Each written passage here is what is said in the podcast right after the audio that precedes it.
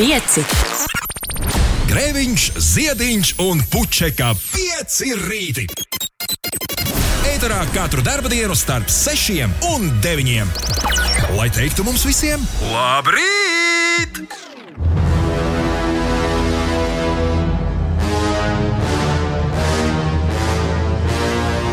Uzmini, Ines, kurš zvēriņš es esmu?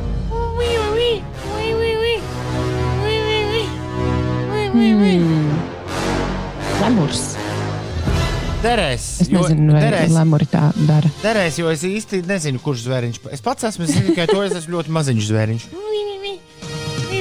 Kurš saka, tas varētu pļavas sunīši, kas alpos ir? būt. Kas tie tādi ir? Nē, es pārliecināts, Mūrkšķis. Man liekas, ka tie ir mūrkšķi. Es nezinu. ka, kāpēc viņus sauc par pļavas sunīšiem. Kaut kur es tā biju dzirdējis, bet varbūt es kļūdos. Varbūt tie ir divi dažādi dzīvnieciņi. Tie ir tie murmeltieri. Tā? Murmeltieri. Kur meltieri?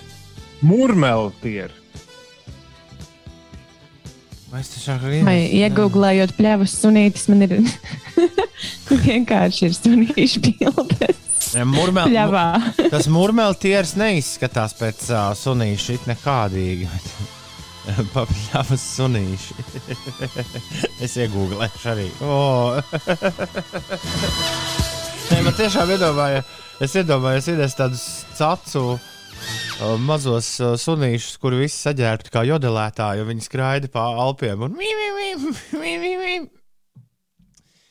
Tā ir šādu skaņu. Slēpjās alās.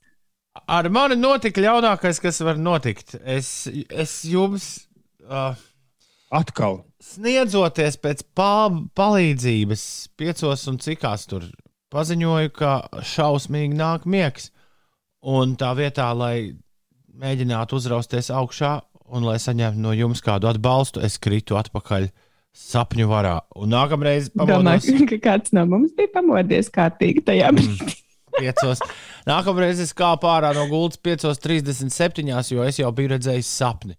Sapnis bija traumatisks. Mēs abi ar televīzijas gaismotāju rāpāmies eh, beig beigām. Bijām sliktas pīpes pīpējuši un skrējām un, un beigām otrajā vidusskolā, manā skolā, kurā es esmu visvairāk laika pavadījis. Mēs beigām no televīzijas producents un režisors. Viņas abas divas nesās mums pakaļ.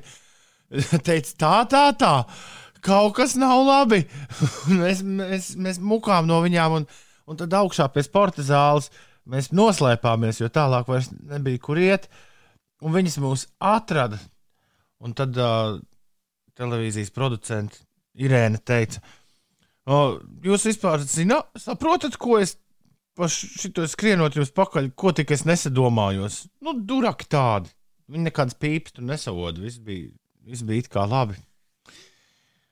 Tādā ziņā, bet man palika baigais kauns, ka es šitā. Nu, lieku, Ļoti interesants lieku, sapnis. lieku senioram skriet man pakaļ. Uh, jā. Mm, Nu, es vēlu visiem tiem, kur tūlīt iekritīs sapnī apakaļ. Jo tāda noteikti ir, kas ir uh, mums pie radioaparāta. Es jums novēlu daudz uh, tādus miermīlīgākus sapņus. Oi! Uh, man bija brīnišķīga dziesma, padomā šī rīta sākumam. Vai es to sagatavoju un varu tā uzreiz uzlikt? Ha! Protams, ka nē. Višķiņi ir jāparokas disciņos. Jā, jā, jā, jā, jā, jā, jā, jā. Tas būs šīs gabals. Uh, ir septiņas minūtes pārpusdienas, sešiem mūžā, kā tu jūties? E, Ļoti labi, tikai vēl aizgāju gulēt, agri cēlos. Ines bija dusmīga. Mums viņai būs jāpastāv uz galvas un visādi citādi jāpakutina. Viņai uz galvas. Nē, sev, vis- mums jā, jānostājas uz galvas, lai viņai priecīgāk un, un jāpakutina un tā. Ines kafija izgāza. Jā, jo es centos no virtuves atnākt uh, uz istabu ar kafijas krūzīti, ūdens glāzi un šķīvīti ar braunīgu gabaliņiem. Visu vienlaicīgi. O. E, Izgāzās tik ļoti, ka nav vispār ko dzert. Vai... Nē, ir, bet virtuvē palika peļķi. Ah, Tas jau ir strūns. Man pēc, man pēc sava sapņa Labi, smaržos māju. Man pēc sava sapņa braunīja, man nav leduskapī. Man pēc sava sapņa Ines tā gribējās kartupeļus ar desu, kas bija vakar palikuši leduskapī. Ka es bišķiņu uzēdu viņus. Tagad no rīta Jā, es tā nedaru nekad. Jūties slikti par to. Es tā vienmēr daru no rīta. Un tāpēc, Ines, tu mums patīc. Just the way you are. Un tikmēr mūrmeltieri ir murkšķis. Ah, Ah, bet tas jau laikam nebija ēterā. tieši tas pats. Ah, bija gan. Bija ēterā. Ēterā es pieteicu dziesmu, kuru tagad neskan. Tāpēc, ka kā, tas, tā, tā, tā tas ir. Tāpēc, ka tehniku mājās lieto visi ģimenes locekļi. Jā, tad tur ir tā problēma, ka tu parasti no garāžas studijas visu aiznes uz māju atpakaļ katru rītu, nu, katru dienu. Ja? Tas būtu jauki nenest, bet uh, nu, vajadzības spiež. Vajadzības spiež. Uh, Ines vēlreiz. Tu mums patīc just the way you are. Kas par saksofonu, Ulu? Līdz, jā, Ko tu saki? Ko tu saki? Ko tu saki? līdz Glīts, jā. izpildīt. Ai, es kaut kā šo dziesmu biju palaidis garām uh, savai apziņai. Un Šī bija mūzika, Ines, ko es vakar skrienot klausījos. Kā tu, nu labi, es arī mēdzu klausīties tādu lēnu mūziku, skrienot. Ir īpaši, ja lēni jāskrien, baigi pa pirmo. Billijs Joels un uh, viņa leģendārā plata Stranger un Just the Way You Are. Manuprāt, uh, tuvu perfektai uh, tādai sirds dziesmai. Šis skaņdarbs pietuvojās, un tā es skrēju, skrēju un aizskrēju nes līdz jaunam velosipēdam. Ugh, nu, nu stāsti. Uh, nu, īstenībā Ulas, lai stāsta, Ulas ir vienīgais, vienīgais cilvēks, kurš kārtīgi ir nopētījis velosipēdu. Nu, tāds melns vīriešu velospēds Oh. ar uh, bremzēm. Tāds fiksītis ar šaurām riepām, Nē, nē, nē, tāds nu, pilsētas. Bet vispār man pilsētas, Bet vispār- tāds švītiņu velosipēds. Nu, nē, Man bail ir no tā, cik ātri ar viņu var braukt. Man jau pēc pirmajiem diviem izbraucieniem jau ir bail. Jo Ulas prognozēja, ka es būšu mājās pusi, tad, kad es rādīju Ulim Riteni, bija rīktīgi vēls. Mēs nedaudz vēlāk pastāstīsim, ko mēs darījām. Bet pulkstenis bija. Jā, kāpēc tu tikai uldim rādīji riteni? Tāpēc, ka nu, tā sagadījās. Ulas prognozēja, ka es būšu mājās pūs 12. Bet es biju mājās 25 pāri 11. Tā kā ritenis pārspēja pat ulu prognozes. Tikai par piecām minūtēm. Tas ir daudz. Uz Jā. kaut kādiem 8, 9 km. Ui. Nu, labi. Es domāju, ka tev vienkārši šobrīd tāda baiļu sajūta ir tāpēc, ka sen neesi braucis ar riteni, pieradīsi. Nu, labi. Cerams. Ir uh, 16 minūtes pāri pusdienas sešiem. Labrīt! Pasties, nepagāja ne gads, un esmu apakaļ. Bet- Jā, velospēds ir lietots, vai ne? jā.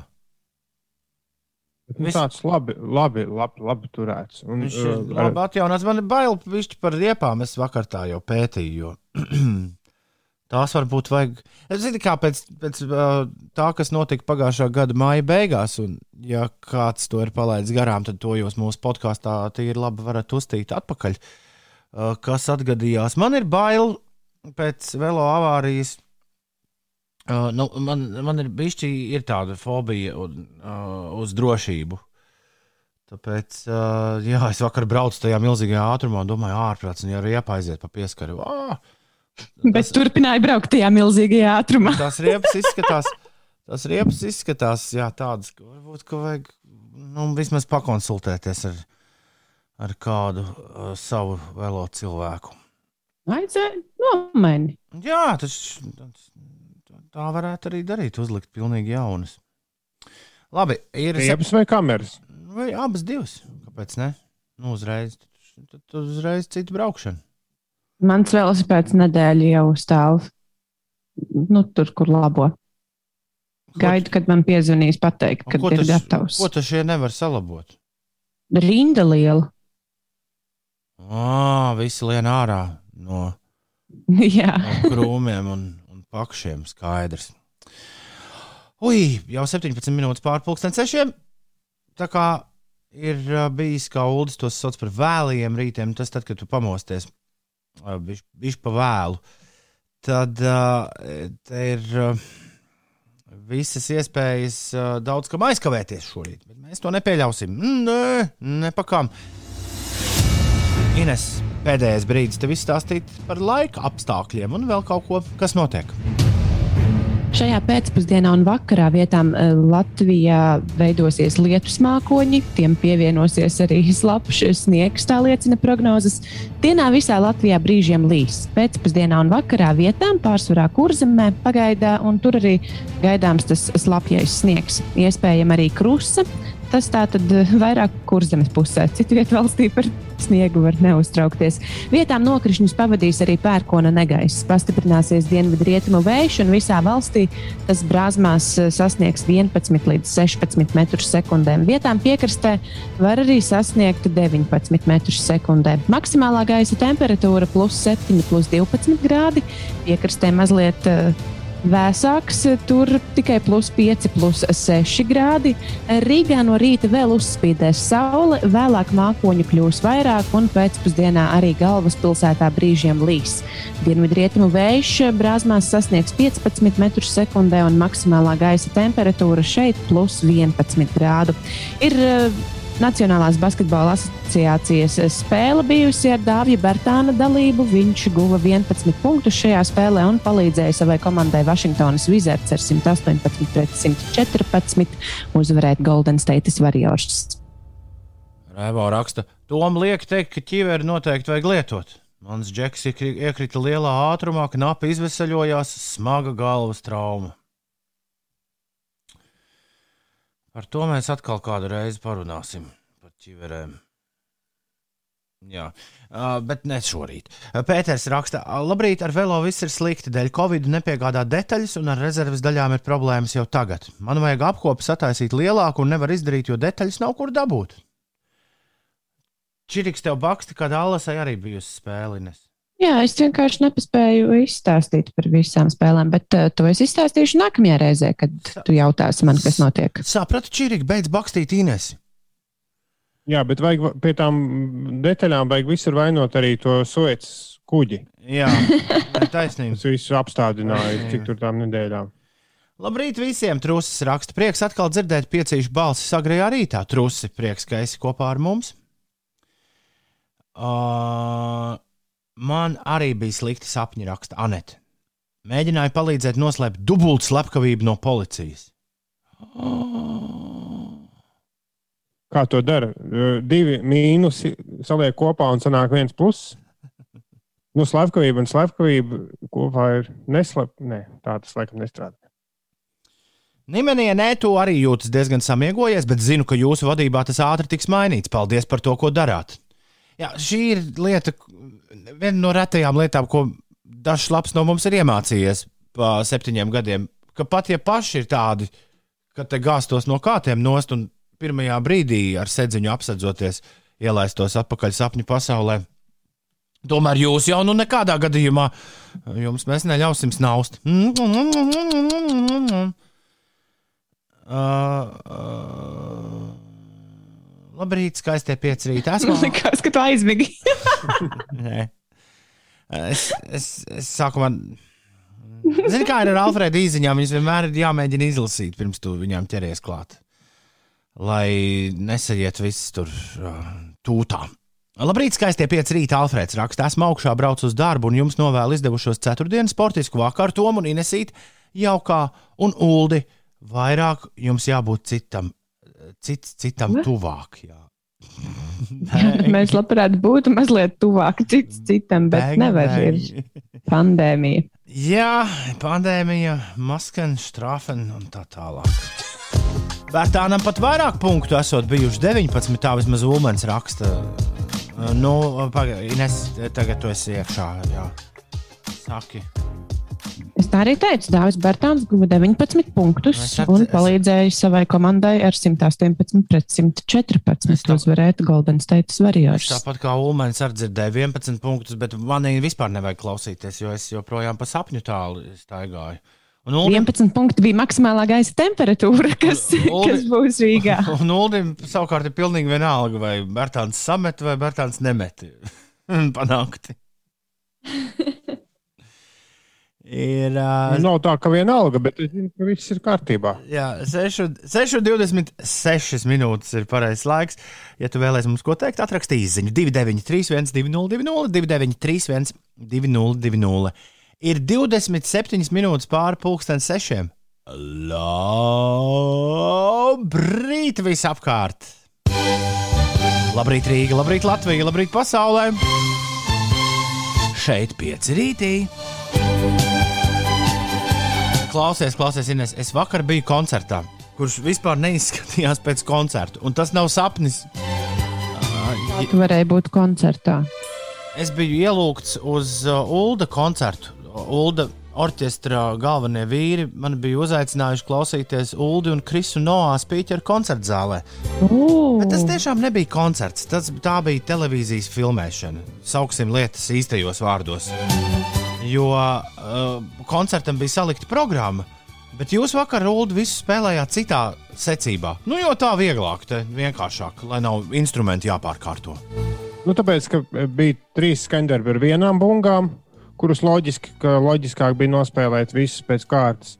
Trīs skaņdarbi bija ar stilu ģitāru, kas ir tā ģitāra uz statīviņu, kuras arī loģiski, ka labāk nospēlēt vienu pēc otra, lai nav tā ģitāra jāstāj pa augšā lejā. Nu, var sakot, jā, tādā veidā ietaupīja ātrumu, kas vienalga viss ievilkās makteni ilgi. Un es nebiju uzaicināts nevis vienkārši skatīties, kas tur un kā notiks, bet uh, pēc Tas koncerta. būtu dīvaini, ja tu viens būtu tur. Vai ne? Vai ne? Bet, bet koncerts tiešām Ines sajūta bija, ka viņš ir vien, nu, tur operatoriem un man. Jo vairāk no mm -hmm. malas, nu, tu, tur vēl skaņu un kaut kādu gaismu vīri, bet vairāk no malas tiešām neviena nebija. Uh, bet tad, kad koncerts bija noslēdzies, uh, krietni vēlāk nekā sākotnēji plānots, man liekas, pulkstenis jau rādīja desmit vakarā. Tad uh, man, mans uzdevums bija aprunāties ar koncerta galvenajiem vaininiekiem, viņus nointervēt priekš vizuālā koncerta izpildījuma. To es arī izdarīju, bet tā kā gadījies, kā ne, ar Big Band uh, vīri bija izdomājuši labu joku.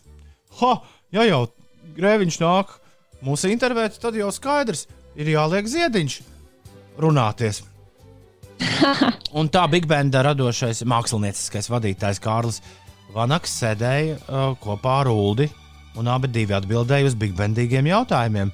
Un Uldi labo man iekļūdos, šī bija pirmā reize, kad es tevi profesionāli intervēju. Man šķiet, Laikam. man, man šķiet, ka šāds gadījums nekad. Ja nemaldos, tu neesi spēlējis spēli gudrs vēl gudrāks, Nē, nē. vai ne? Laikam jau ka tā, jā. Nu, nekāds gan dižais joks tas nebija, jo kādam tur vienalga bija jāsēž, un mēs katrā šajā koncertā cenšamies kādu citu aizbīdīt. Bet šoreiz man vienkārši nebija nekādu argumentu, kāpēc lai pateiktu nē. Lai gan tad, kad koncerts beidzās ap desmitiem, man ļoti gribējās īt makšķerītes un teikt, nē, nē, nu ko es tur runāšu. Bet nē, viss. Ulim ne Uh, tikai gribējās, Ines, viņš arī tā darīja.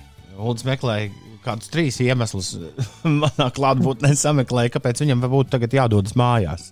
Nu, jā, izrunās Kristīna, un tad jau pietiks, ko tu tur vairs teikt. vai ko.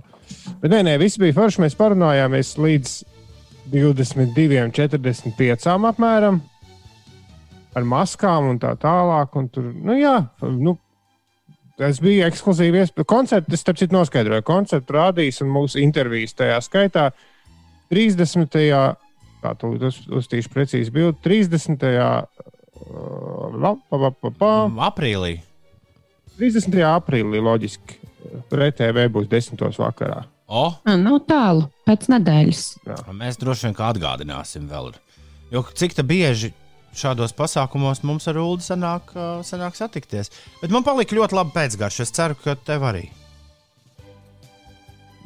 Jā, tā mūzika bija viena no tām mūzikām, kas sākumā liekas, ka visi skanderi bija vienādi, un tad spēlējot, tie sāk tā atvērties.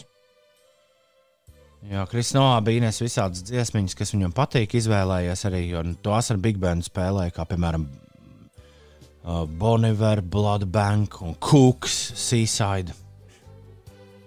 Mm -hmm. un, uh, jā, un galvenais, un galvenais, ka šīs dziesmas tur bija arī Kings of Leon un Mumford and Sons. Un arī šīs dziesmas Oi. mēģinājuma procesa sākumā likās uh, vienādas. Un tad pamazām tikai sāka atšķirties viena no otras. Oi, ko viņiem labi sanāca Manfordiņas. Tā ir kā īsti Manfordiņi būtu uz vietas. Viņi spēlēja Manfordu dziesmu? Jā, es, Jā. es gan nepateikšu. Kā viņi drīkst? Es gan, nepate... es gan nepateikšu, kuru. Bet varbūt Ulas no galvas atceras.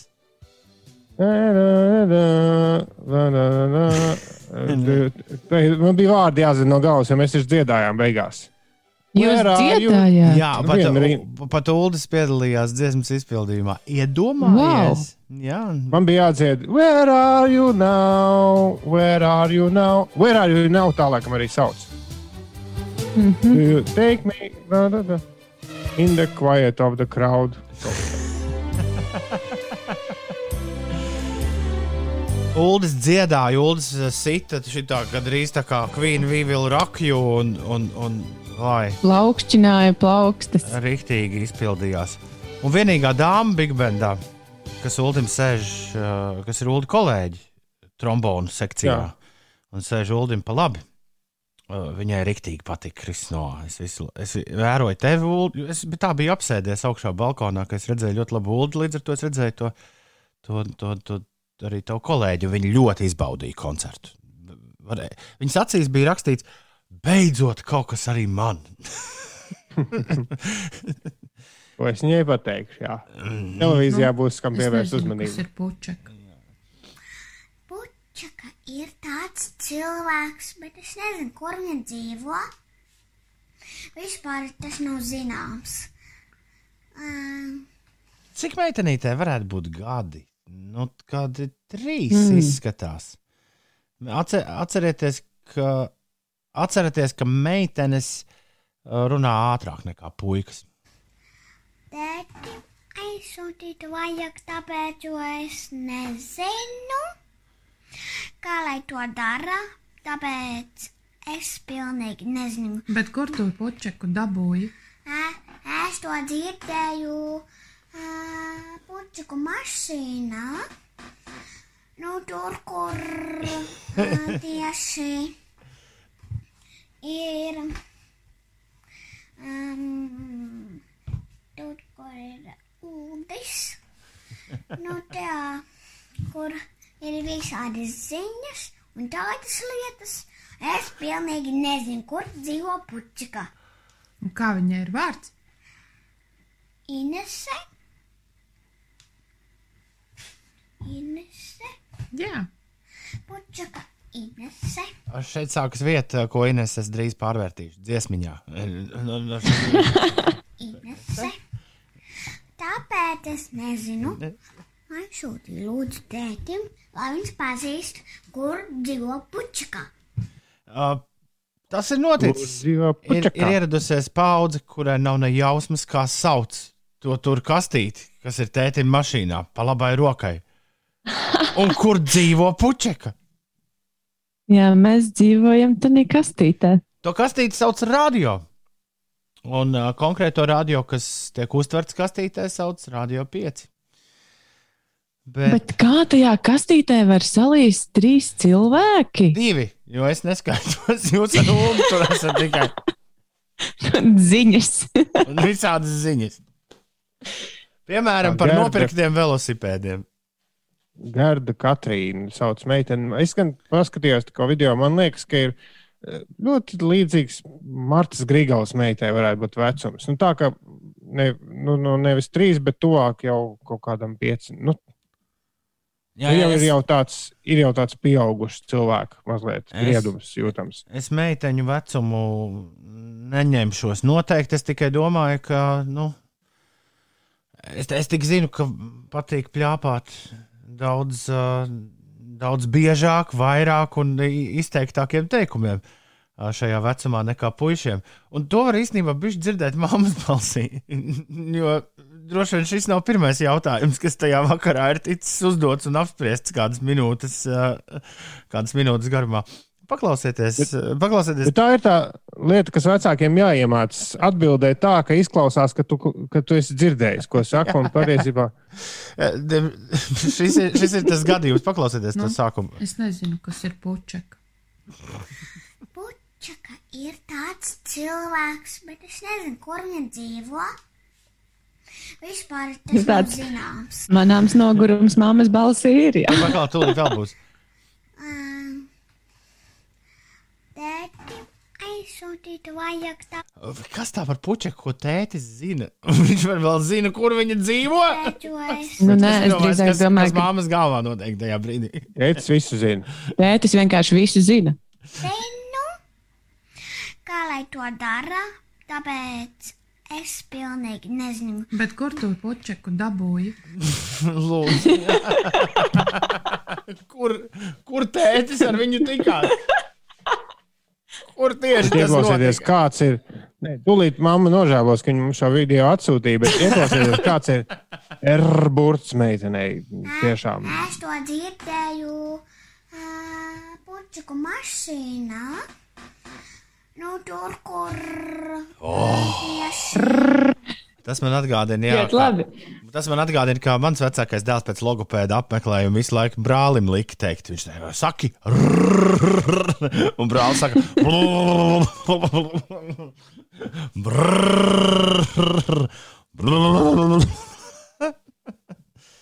Jā, tie, tie, kas nesaprot, par ko ir runa, šo video mums atsūtīja kādu klausītāju, kuras meita bija ļoti meklējusi, kur dzīvo, kur dzīvo puķe. Un tagad, turpmāk, vienmēr, kad mums būs bijis aptrūcies materiāls, par ko runāt, kas, starp citu, nav šorīt, kur man šķiet, ka materiāls ir kaudzēm sakrājies, par ko mēs varētu pļāpāt.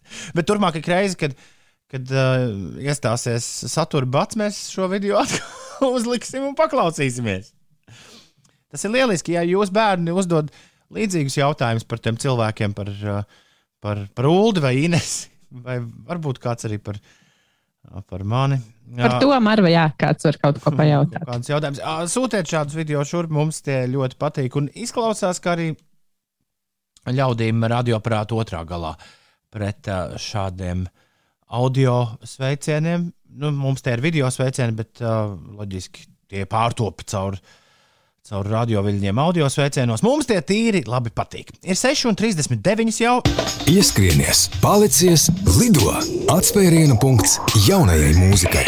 Tramplīns. Tomēr man prognoze par to, ka viss sāk kavēties, piepildās, sāk piepildīties. Tāpēc nav ko muti lieki dzēsēt šonadēļ tramplīnā no Vēncpils. Tasteful un In the Dark. Kas jādzird Latvijas mūzikā? 5 LV iesaka Tramplīns.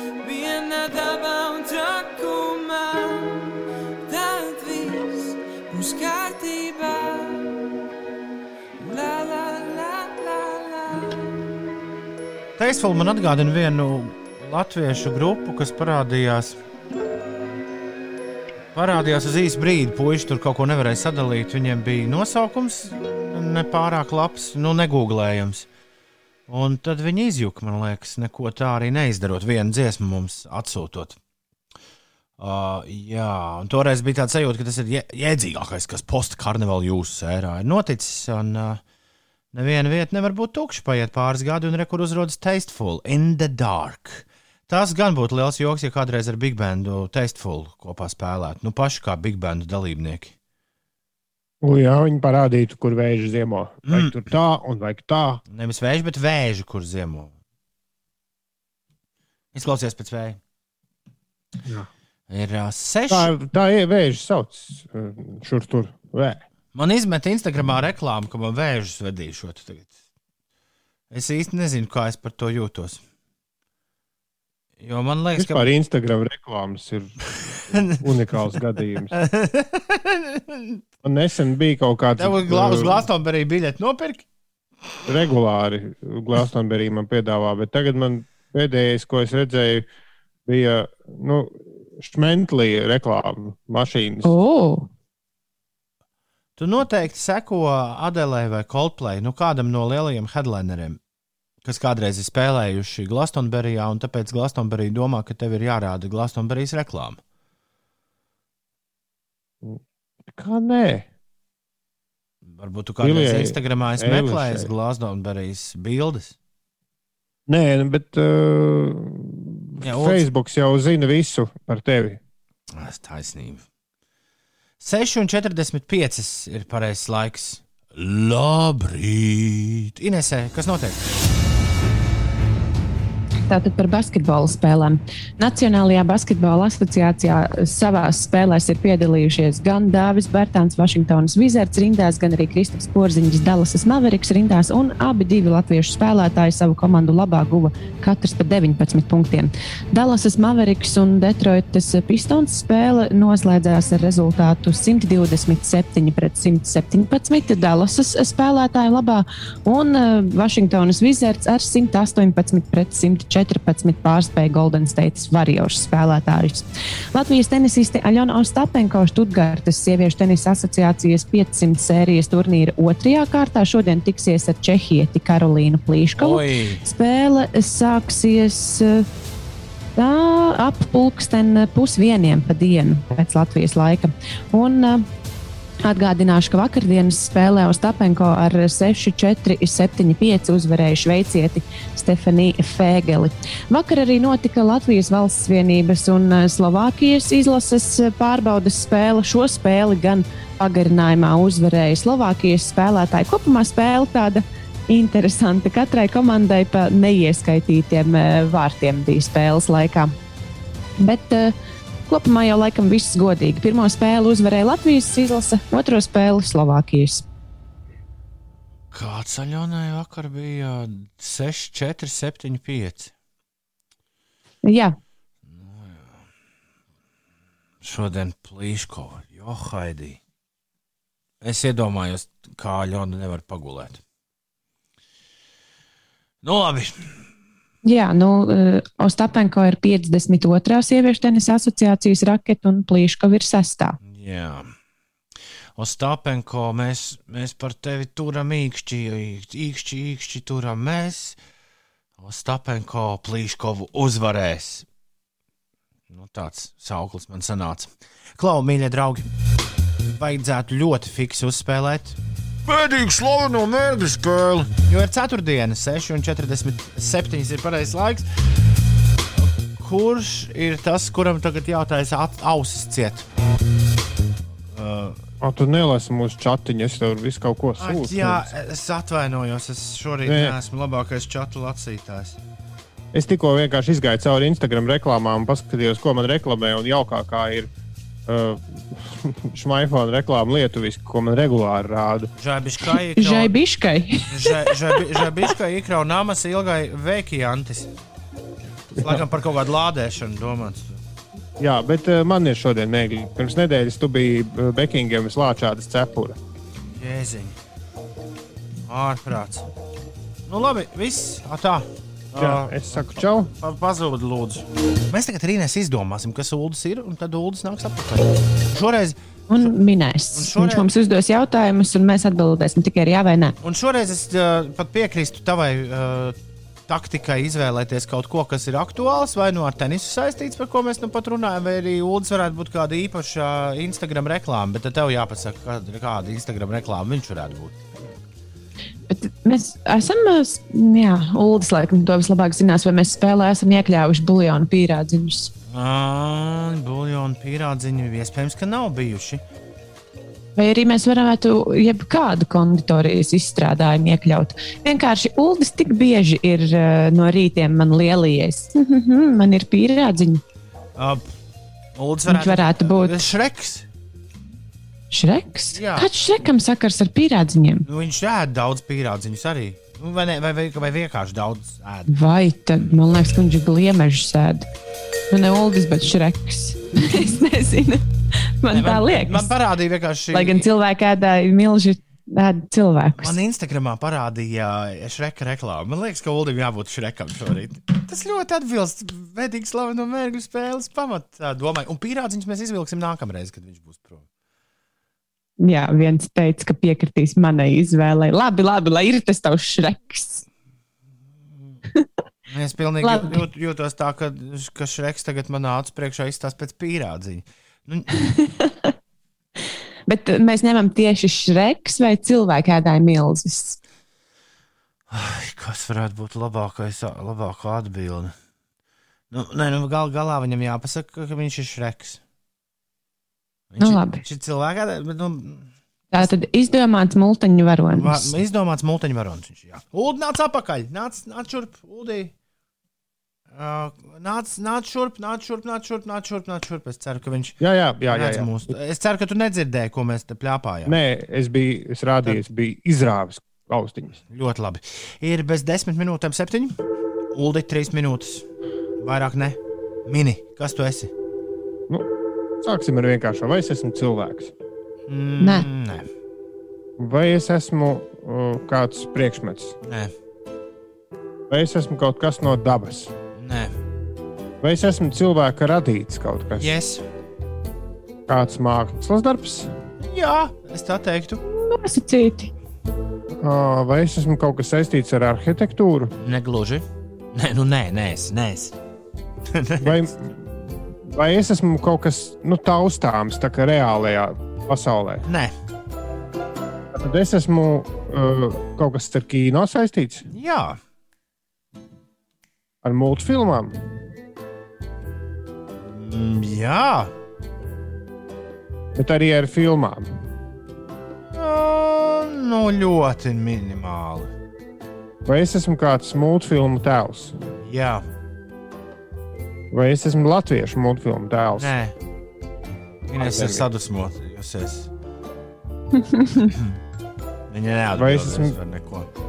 Japāņu multfilmu tēls. Nē. Nē, Nu, un tad, ja es teiktu, jā, es- tad varētu visus Pokemonus minēt. Jā, kurus es zinu, Mm -hmm. kas tur bija. Ratatouille un un Dumbo. es nezinu, Dumbo. Jā. Tā, vai es esmu amerikāņu multfilmu tēls? jā, Kaut kas no Simpsoniem? nē. Veca multfilma. Nu, nu, ko, ko tas nozīmē? Sauc, Nē, nu, vai es esmu šī gada, šī gadsimta multfilmas tēls? Jā, Vai es esmu nu, seriāla tēls? nē, Respektīvi, vai es esmu, multi, tad es esmu filmas tipa multfilma? jā. Stulbs jautājums, bet vai es esmu Dumbo? nē. Dumbo tu jau biji, man liekas. Nu, jā, nē, tikko Toms jautāja par Dumbo. Vai es esmu kaut kas no Disneja? Ah, kā nu tur tagad sanāk pēc, ties, pēc tiesībām, nezinu. Bet, uh, nē, Ā, tad, tad, bet nē. Okay. Bet nē. Labi, es neesmu no klasiskajām tur tām visām. Nē, Uh, Vai es esmu kaut kas no Frozen? nē. Nē, bet es zinu, kas būs nākamreiz. Vai es, vai es esmu kaut kas no uh, aizsēžu no ledus laikmeta? nē. Nē, Kaut kas saistīts ar komiksiem? Nē. Nē. Mm, Tā, jā. Nu, tā, tā. Multfilmas, garas, lielas multfilmas. Šajā gadsimtā. Jā. Vai es, esmu, vai es esmu pēdējo desmit gadu laikā bijis uh, radīts? Tevi rāda ik pa laikam.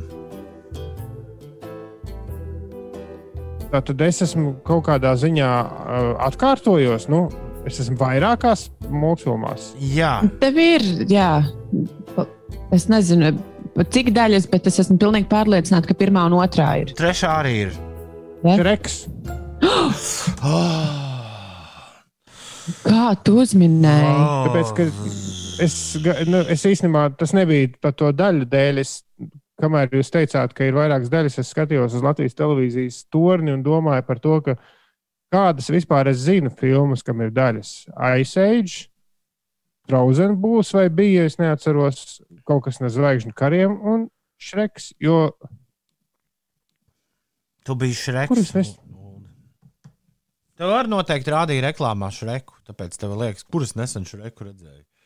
Nē, es man liekas, ka man liekas, Man man šeit liekas, rādīja ieslēdzot Netflix. jā, man šķiet, ka visas šreks ir, visas šreka daļas četras ir dabonams nepliķi. Četras? Man, jā, daudz ir. Jā. četras, jā, 2010. Wow. gadā ir pēdējā.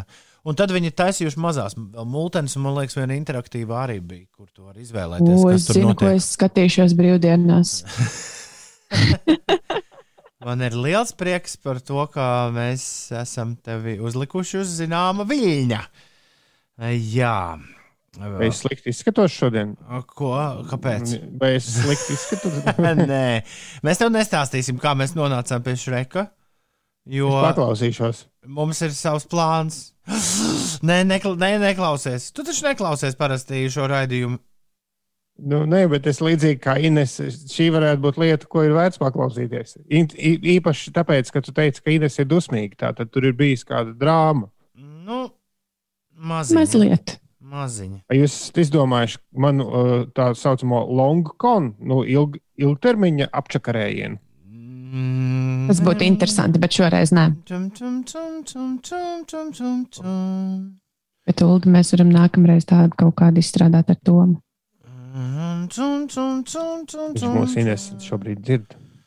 Ah, tum, tum, tum, tum, tum, Domāju, ka Bekingams pils sargu bikses, un tad mēs Sarkanais mētelītis. Mēteļa poga. Tas tik būtu jautri, vai ne? Kā kolēģis atkal, atkal neko nevarētu pateikt. Ah. Kā saule spīd, paskatieties labāk. Pukainīt. Kas pa dienu ir sākusies? Riktīgs, riktīgs pasākums. Es neesmu piedabūjis telefonu, draudzēties vēl ar mūsu sistēmu, bet laika mašīna jau ir sākusies. Laikā mašīnā, pam, padam, pam, pam. pam, pam, pam, pam. Nē, nē, būs arī šeit. Laikā mašīnā, pam, padam, pam, pam. Šorīt dziesmai divi izpildītāji nosauksiet vienu. Būs ieskaitīts. Mūsu pusē šis mūzikls tā arī nekad nav uzsprādzis. Jā, Ines, sveiciens tev, mūzikls. Dziesma no mūzikla šorīt laika mašīnā. Bet uh, daudz kur citur kulta gabals. Un arī tā dziesmas savulaik mazajās septiņu soli platītēs pirktas milzum daudz kopijās. Summer Nights! Ļoti jautrs gabals šorīt laika mašīnā.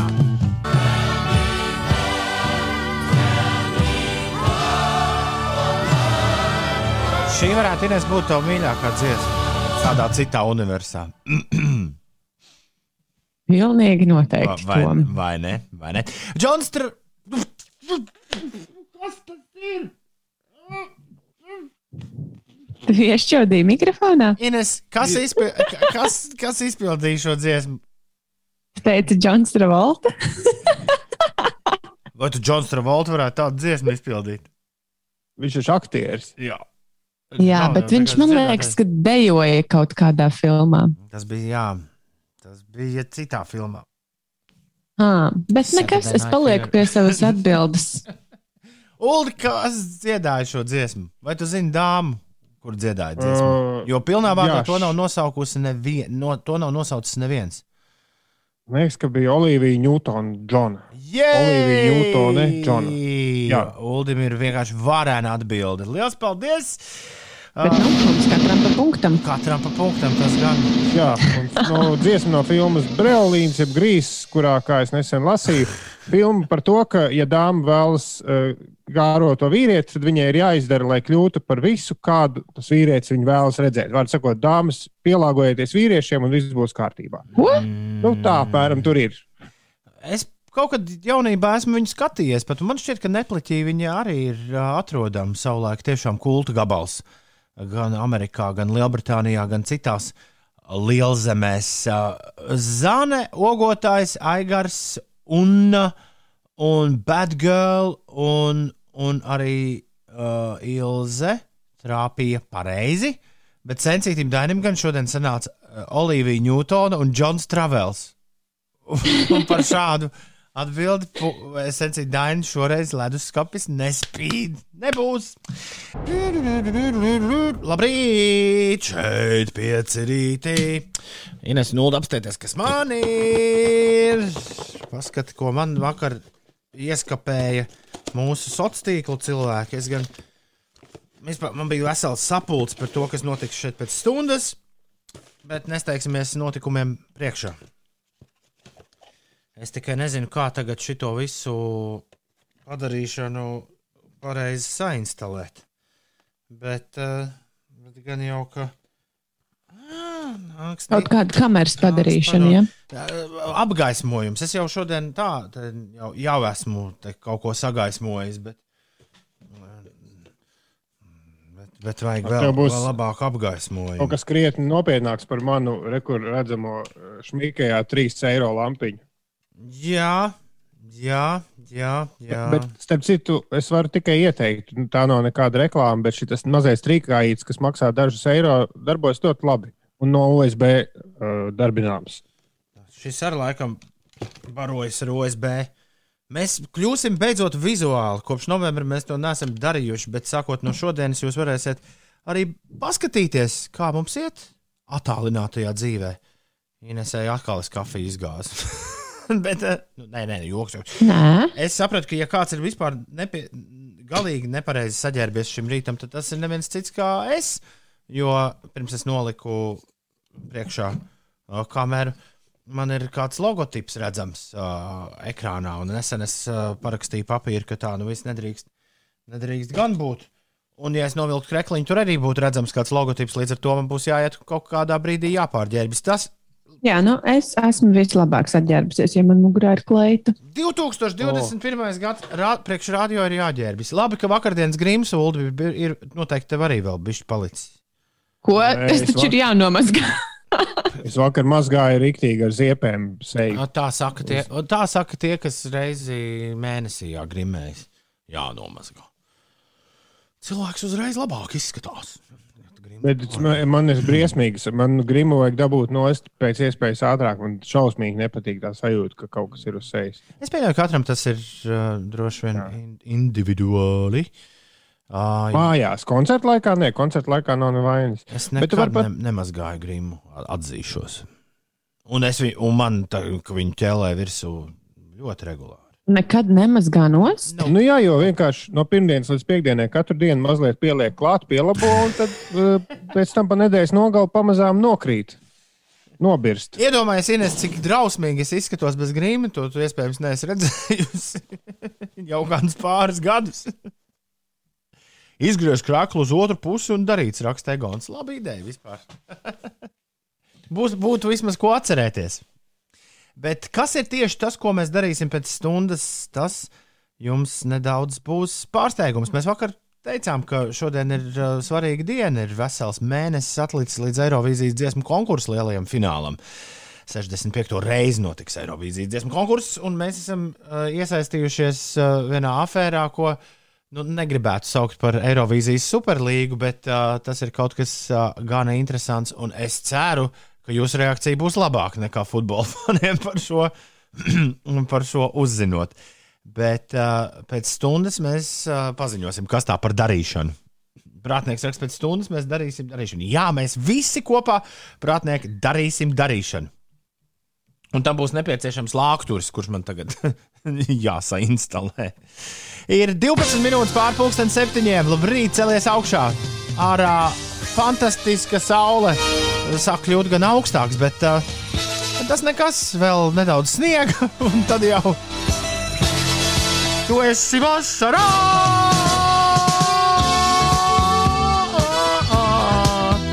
Ceturtdien, 22. aprīlis, Armanda un Armands atzīmē vārdu svētkus. Daudz laimes Ieva, daudz laimes dzimšanas dienā Ievai Akurāterei, Dzintaru koncerta zāles direktoram un arī Latvijas koncerta direktoram, vai ne?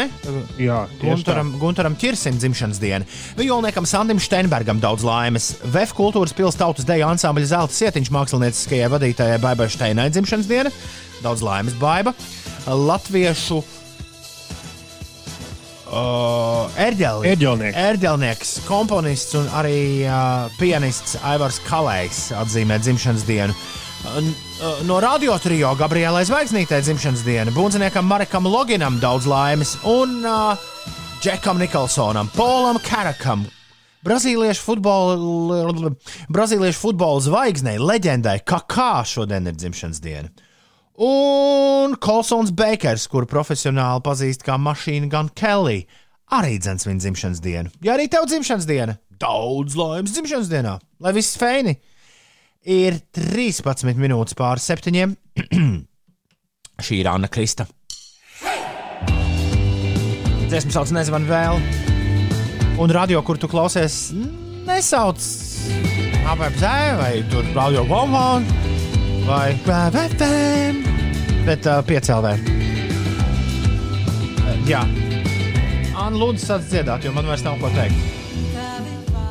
Tagad es esmu pārgaismots totāli. Jā, es nezinu, ko tu šorīt biji izmainījis pret vakardienu. Jā, Bet, uh, Bet kam šo- šod... tev ir vajadzīga tik milzīga gaisma? nu tā. Bet, Ines ļauj pateikt pa, pa tēmu. Vārds sakot, vakar bija slikti. Bet uh, tas, ko tu šorīt no rīta biji izmainījis, bija krietni labāk nekā tagad ar gaismu. Mm. Jo tagad tā gaisma Pilnīgi acis žilpst skatoties. Ja, pirmkārt, tai gaismai būtu jābūt tur, kur ir kamera. Un šorīt noteikti ir labāk. Ja vēl to fona logu tu visu laiku turētu aiz sevis, nevis kadrā. Uh, Tomam izskatās tajā gaismā tāda. Nevar bēdīga seja mazliet, kā tu nezini, ko darīt. Liekas, ka tu līdz sāks raudāt. Radio nav televīzija. Es jums stāstīju šorīt, es pamodos. Es stāstīju, ka televīzijā nu, šī, šī ir, šis ir bez lielās gaismas. Lielo gaismu ieslēdzot, paliek šādi. Um, Nē, nē. Vislabāk bija, ka tu šo gaismu, ko tu tikko aiztiki, bija aizgriezis projām. Jo tagad arī ir pārgaismots. tagad viņi nokrīt. Tikko bija viņa aiz... Tagad viņi nokrīt. Nu, Šis ir lielisks radio saturs, kā vienmēr. Varani. Tagad es arī sāku domāt, ka man vajag gaismu kaut kur citur, jo no loga. Tas ir briesmīgi.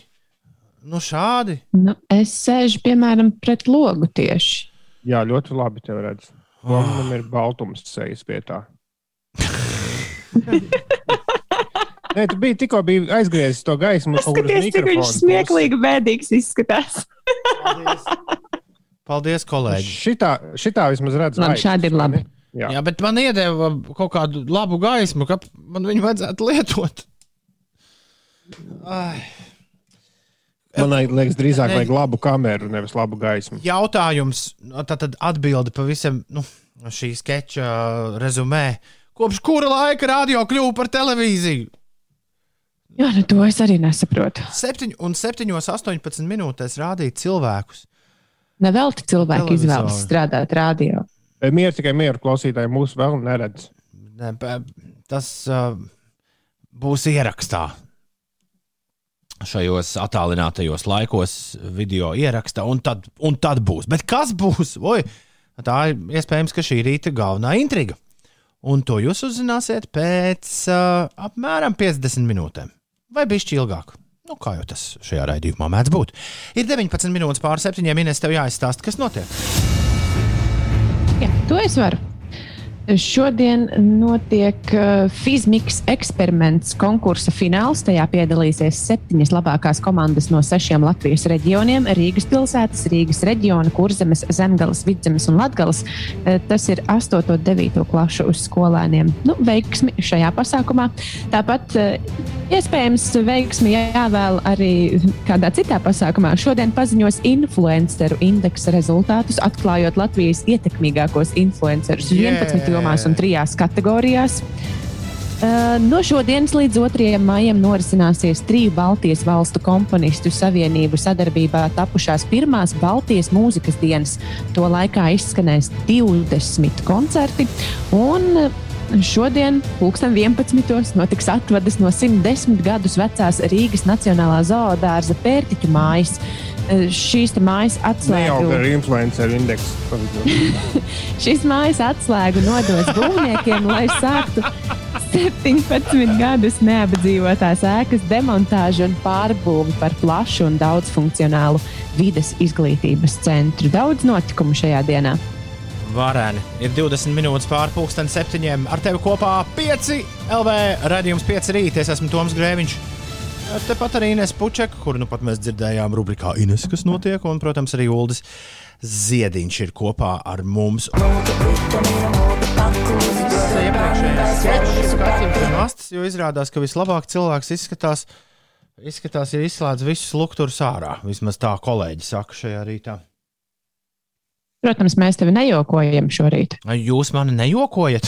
Vai Nu, jūs mēs mani- necenšamies tevi vai izjokot jūs, šorīt. vai jūs kādreiz mani esat izjokojuši? Oh, oh, oh. Ir uh, septiņi. Šis varētu būt pirmais rīts. Divi- Bet tāds, ko tu nekad neaizmirsīsi. vai Ne? 7,27 minūtes ir pareizais laiks. Draugi, mīļie, ir ceturtdiena. Un tas nozīmē, ka mums visiem kopā ir jānosvin, jānosvin lielais notikums.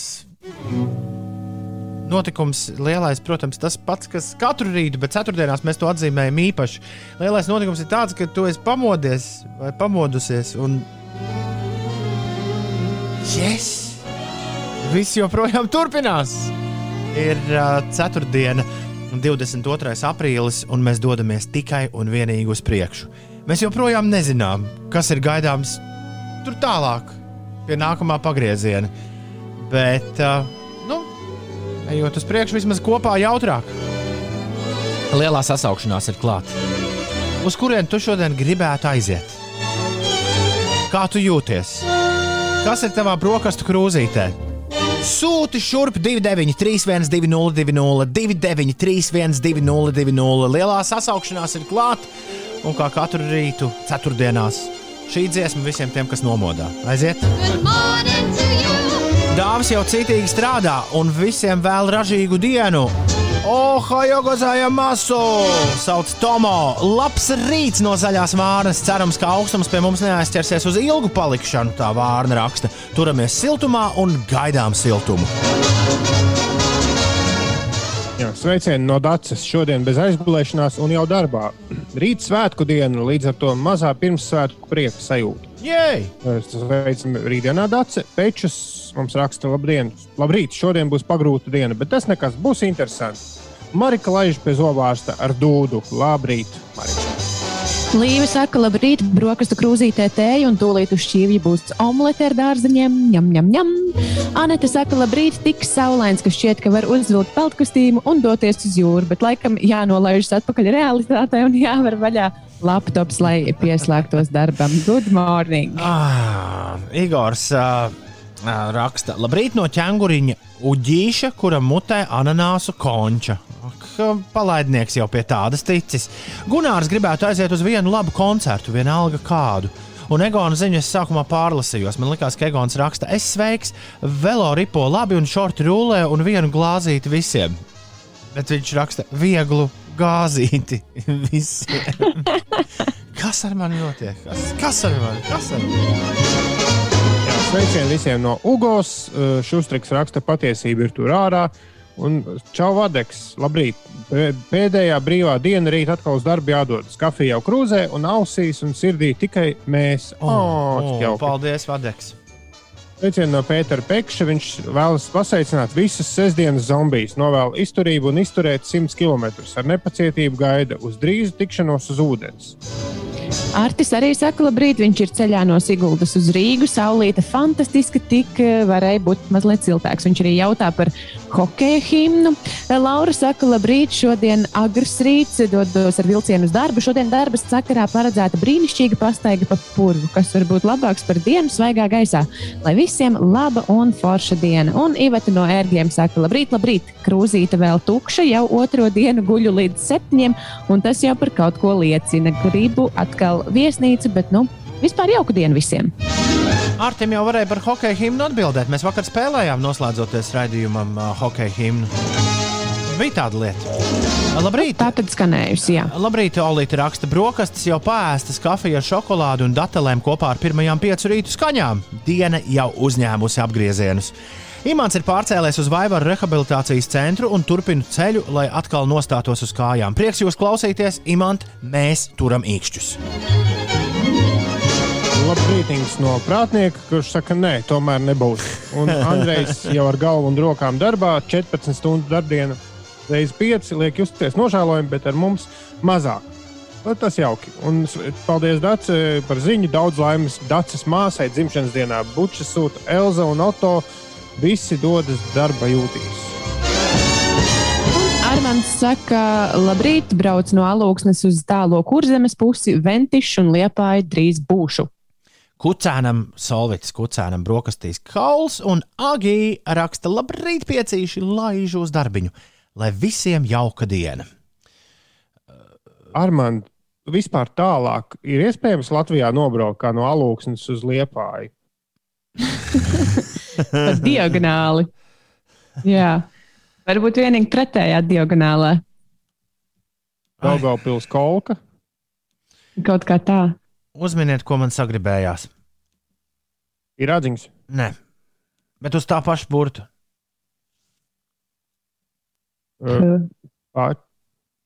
Čučēt. Nē, persikus. Justins Bībers, Daniels Cēzars un Givion. Peaches. I got my peaches out in Georgia. Oh yeah. I get my weed from California. That's that. I took my chick up to the north, yeah. I get my light right from the source, yeah. Yeah, that's it. Ah, jā, nevar izlemt, uh, te Ines būs tava palīdzība, kā jau gardēdis nepieciešama. Ah, jā, nevar izlemt, ko labāk gatavot šodien desertā. Biskotī cepums vai, sac- vai sicīliešu maskarpones kūku dilema. Tu jau zini, jā, es vienmēr teikšu, maskarpone. Jā, es tieši gribēju arī teikt, ka kūka varētu būt uh, foršāka nekā cepumi. Uh, Uldi, ko tu izvēlēsies? Kūku vai cepums? Uh, šodien noteikti arī kūku. Daugopi, svētki? Nē, vienkārši kaut kā tā liekas. Ka... Tā mērās. tad trīs viens kūkas labā. Laikam. Uh, jā, jā, man liekas, tur vairāk nav jautājumu. Uh, Mērās te uh, garākos attālumus mūsu klausītāji. Daugopils alūksne, Daugopils liepāja, Daugopils Nē, Ko? Es tikko, es tikko veicu mērījumus, un, uh, ja ignorējam šosejas, jo mm. -hmm. kurš te brauc pa šosejām un mauc vienkārši pa taisno, nu, pilnīgi pa taisno līniju, tad vislielāko attālumu Latvijā var nobraukt, braucot apmēram no Liepājas uh, līdz Zilupei. Nu, respektīvi, kā to sauc, uh, meridiāni un paralēls, pa paralēlēm. Un tur var apmēram 440 km savākt pa taisnu līniju. Liepāja alūksne ir 390. Un, uh, jā, no Vēncpils līdz Daugopilī Krāslavai ir mazliet vairāk. Arī, protams, tikai pa taisnu līniju. Liepāja zilupe ir tavs ieteiktais. Tātad uh, braucamais. Nu, jā, ja kāds grib respektīvi- respektīvi... pabraukāties. Meklēt Latvijas tālāko punktu uh, rietumos un austrumos un skatīties tā, lai tu neiebrauc Lietuvā. Un tad braukt pa paralēli. Tas būs vislielākais attālums, ko nobraukt Latvijā pa taisnu līniju, protams. Uh, pa, netaisnu, pa netaisnu līniju, ja uztaisa līkumiņu caur A9, uh, braucot no Liepājas uz Zilupi, tu nobrauks 571 km. Man nu, izklausās pēc plāna. Uh, 506 ir ātrākais uh, variants. Bet var uztaisīt, es saku, gar pašu robežu, tur tādu nogriezienu, un tad uh, gandrīz 7 stundas liepā aiz zilupi. Oh, my Bet tas ir God. ar mašīnu, nevis ar kājām. Ja? Tas ir ar mašīnu. Ah, es to apstīšos, cik ir ar kājām. Jo, protams, tas mums visiem jāzina. Ar kājām tas būs ātrākais variants. Ar kājām būs ātrāk, jā, 490 km, ar kājām būs 99 stundas. Tad, tad ah, vesels atvaļinājums. Un pa vidu vuitu paviesosies Saldu, un Jēkabīlī, un Rēzeknē, un, un tad beigās atkritīs bezsamaņā zilupē. Ja tev jāiet prom, tev jāiet prom, bet, ja tev nav jāiet prom, paliec lūdzu kopā ar mums, jo uh, ir forši nu, visiem kopā tā lietas darīt, man šķiet. Darīšanas, tā teikt, nokārtot. Inesē, kas notiek? Par sportu izstāstīšu vēlreiz. Kristaps Porziņš un Dāvis Bērtāns katrs guva pa 19 punktiem. Veicot savu Nacionālās basketbola asociācijas komandu, veicinot eh, savu eh, komandu uzvaras. Vērtāni pārstāvētā Vašingtonas Wizards mača galotnē ar 118 pret 114 pieveica Golden State Warriors, eh, tikmēr Porziņģa Dallasas Mavericks ar 127 pret 117 pārspēja Detroitas Pistons spēlētājus. Nacionālajā hokeja līgā Latviešu hokeja Rudolfa Balcera pārstāvētā San Jose Sharks ar 2-5 piekāpās Vegasas Golden Knights spēlētājiem, piedzīvojot jau septīto zaudējumu pēc kārtas. Tā liecina Nacionālās hokeja līgas informācija par gaidāmajiem sporta notikumiem.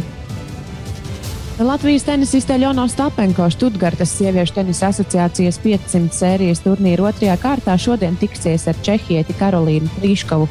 Spēle paredzēta pulksten pusdienos pa dienu pēc Latvijas laika. Atgādināšu, ka vakar Ostapenko pirmajā kārtā ar 6-4, 7-5 uzvarēja šveicieti Stefaniju Fēgeli. Pastāst vēl kaut ko. Vēl par sportu. Nu, vēl bišķiņi. Nu, maz mirklīgi. Jo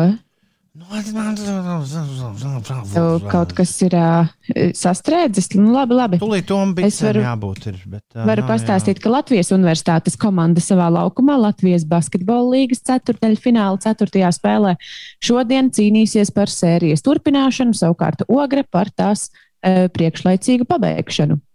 Spēle Olimpiskajā sporta centrā Rīgā paredzēta pulksten septiņos vakarā. Droši vien tie, klātienē to skatīties neviens nevarēs, bet, e, bet to var vērot televīzijas kanālā. Oh. Vai, vai, vai. Vēl man vai, kaut ko vajag vai. pastāstīt.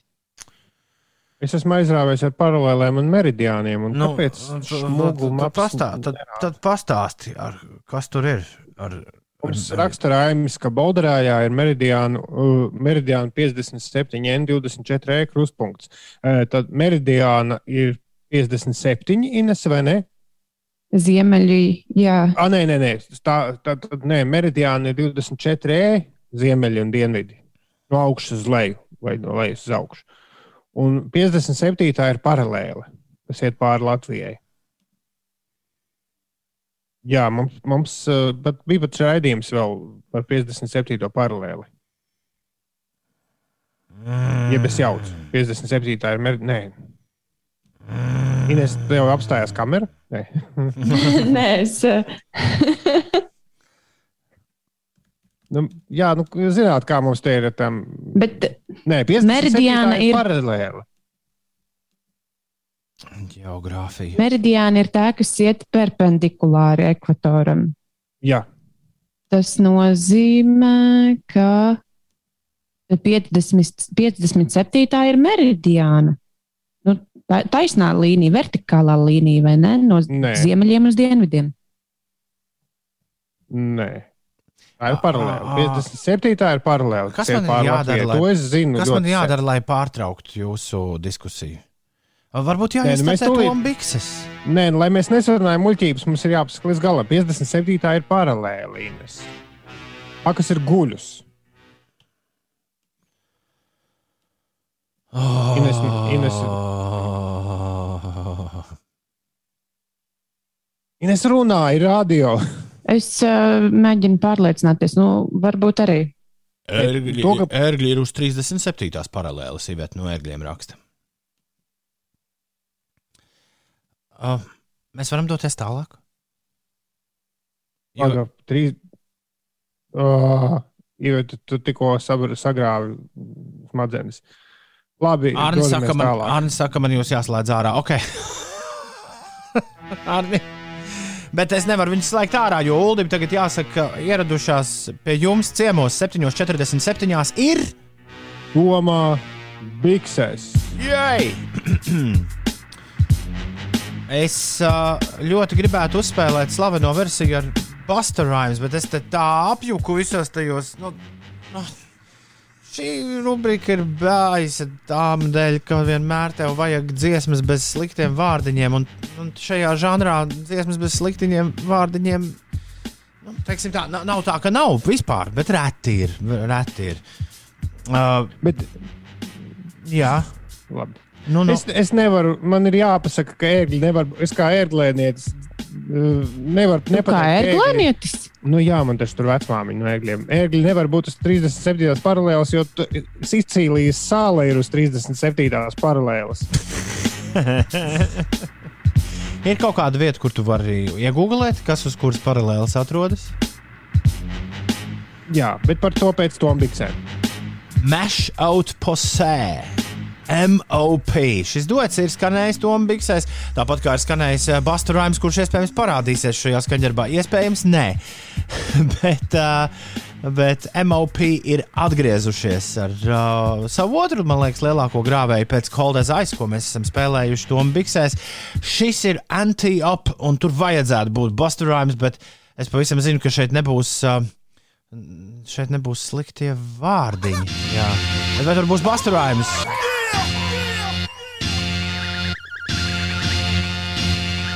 Bija tur basturājums. Uh, jā.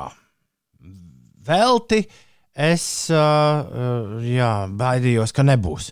Uh, basturājums un MOP Antiop šorīt Tom Biksēs. Man patīk, kā Ulim kutinās smadzenes, un Tom Bikšu dziesma bija Jāstra, raksta Iveta no ērgļiem. Labs rīta repčiks, tā raksta arī Džins. Un uh, vai man ir jālasa Wikipēdija? Nē, nav. Mēs jau visi tikām skaidrībā. Uh, Pagaidām, katrai par- nedzirdējām. Uh, ēterā. Katrai, par, katrai paralēlai un meridiānam ir sava Wikipēdijas lapa, un 24. ma- uh, 24. meridiāns iet no augšas uz leju vai no lejas uz augšu cauri Rīgai. Un 57. paralēli iet no sāniem, nu, var sakot, no labās puses uz kreiso, arī cauri Rīgai. Un interesanti, ka gan šai paralēlai, gan meridiānam Rīga ir vienīgā galvaspilsēta, kas atrodas uz šīm līnijām. Wow! Un tad, protams, niedzīgi izpētīt, cik vispār pasaulē ir galvaspilsētas, kuras atrodas tieši uz precīzi uz, uz apaļām paralēlēm vai meridiāniem, kur no krustpunktā. Bet uh, tad es padomāju, cik tādu krustpunktu ir pasaulē, un nākamo stundu ar mani nerēķinieties. Nē, nē, nē, nē. nē. Lūdzu, tu mums būs nepieciešams. Un Ines, lūdzu, pasmaidi. Es zinu, ka grūti, bet, nu, pa... Un īstenībā pie visa bija vainīgs. Uh, jā, pie visa. nesapratu, ko tu gribi. Nu, nē, nē, uh, nu, ko tu teiks? Pie visa bija vainīgs Raimis, kurš mums sajauc galvu ar to, ka Balderē ir meridiāni 57 un 24 krustpunkti. Jo Jā. tas nav, divas meridiānas nevar krustoties. Raim, izņemot, es, es arī palasīju mazliet, izņemot Dienvidpolā un Jā, Ziemeļpolā. jā, jā pareizi. Tā sajiet tā kā apelsīna mīzes šķēlītes. Sajiet kopā. Raimi, tu redzi, ko tu izdarīji ar šo raidījumu? Ir bez piecām minūtēm. Salauz raidījumu. Bišķi, bišķiņi. Ir bez piecām minūtēm astoņi. Lūdzu, nelauziet raidījumu. E, Daudz jau mēs no jums neprasām. Neprasām. Bet, bet e, šo mazumiņu jau nu, tā kā varētu ievērot. Andris Grīva un dziesma par vadiņiem. Kaut kas tur, man liekas, labi iet ar meridiāniem un paralēlēm kopā. Au, varbūt arī neiet, varbūt iet, varbūt neiet, varbūt iet.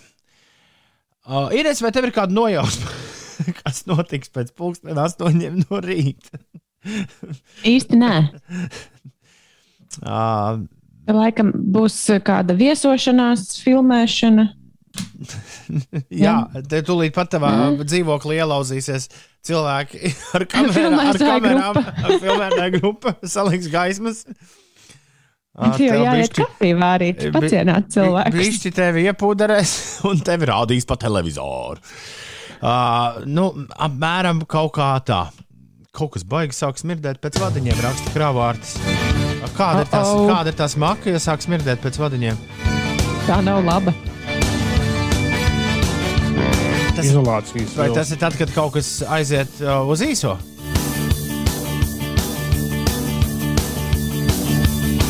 Ir mēnesis šodien atlicis līdz Eirovīzijas dziesmu konkursu finālam. Tas būs jā, šī gada 22. maijā.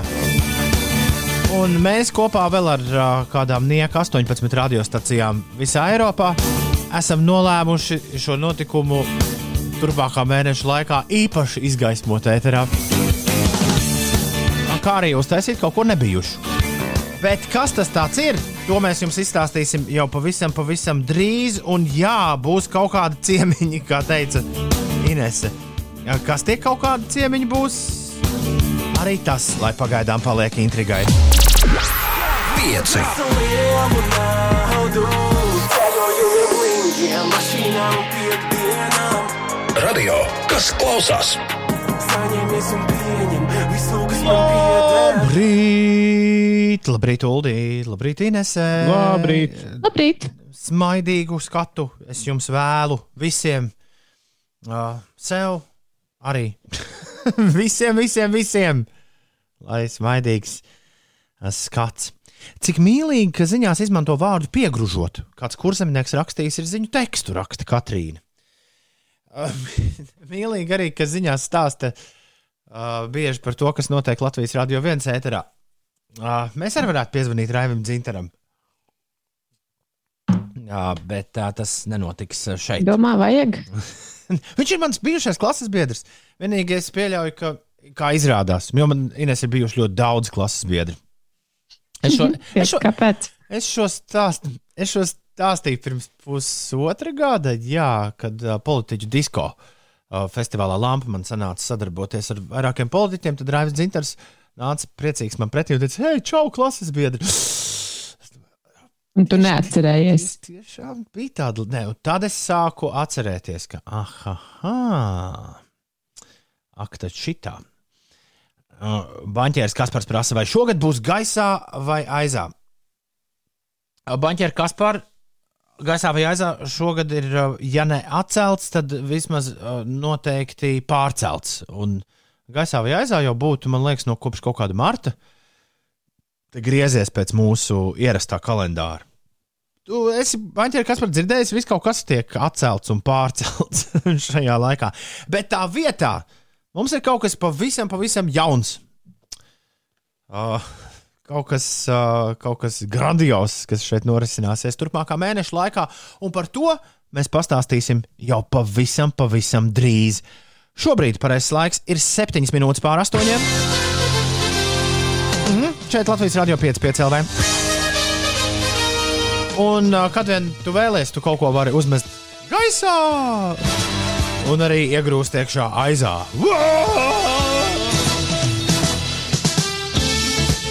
Tam tev nav nepieciešama speciāla rubrika radio ēterā. Ir 8 minūtes pāri 8. Ir 4. 22. aprīlis 2021. gads. Jā, jā, jā, šodien ir tā diena, kad Armāns jāapsveic obligāti. Un Armāndā arī viņiem abiem diviem vārda dienas.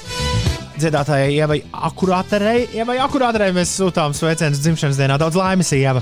Dzintaru koncerta zāles direktoram un Latvijas koncertu direktoram Gunteram Čirsim daudz laimes dzimšanas dienā. Violniekam Sandim Steinbergam ir dzimšanas diena. VF kultūras pilsētas tautas deju ansambļa Zelta Sietiņš mākslinieckajai vadītājai Baibai Steinai daudz laimes.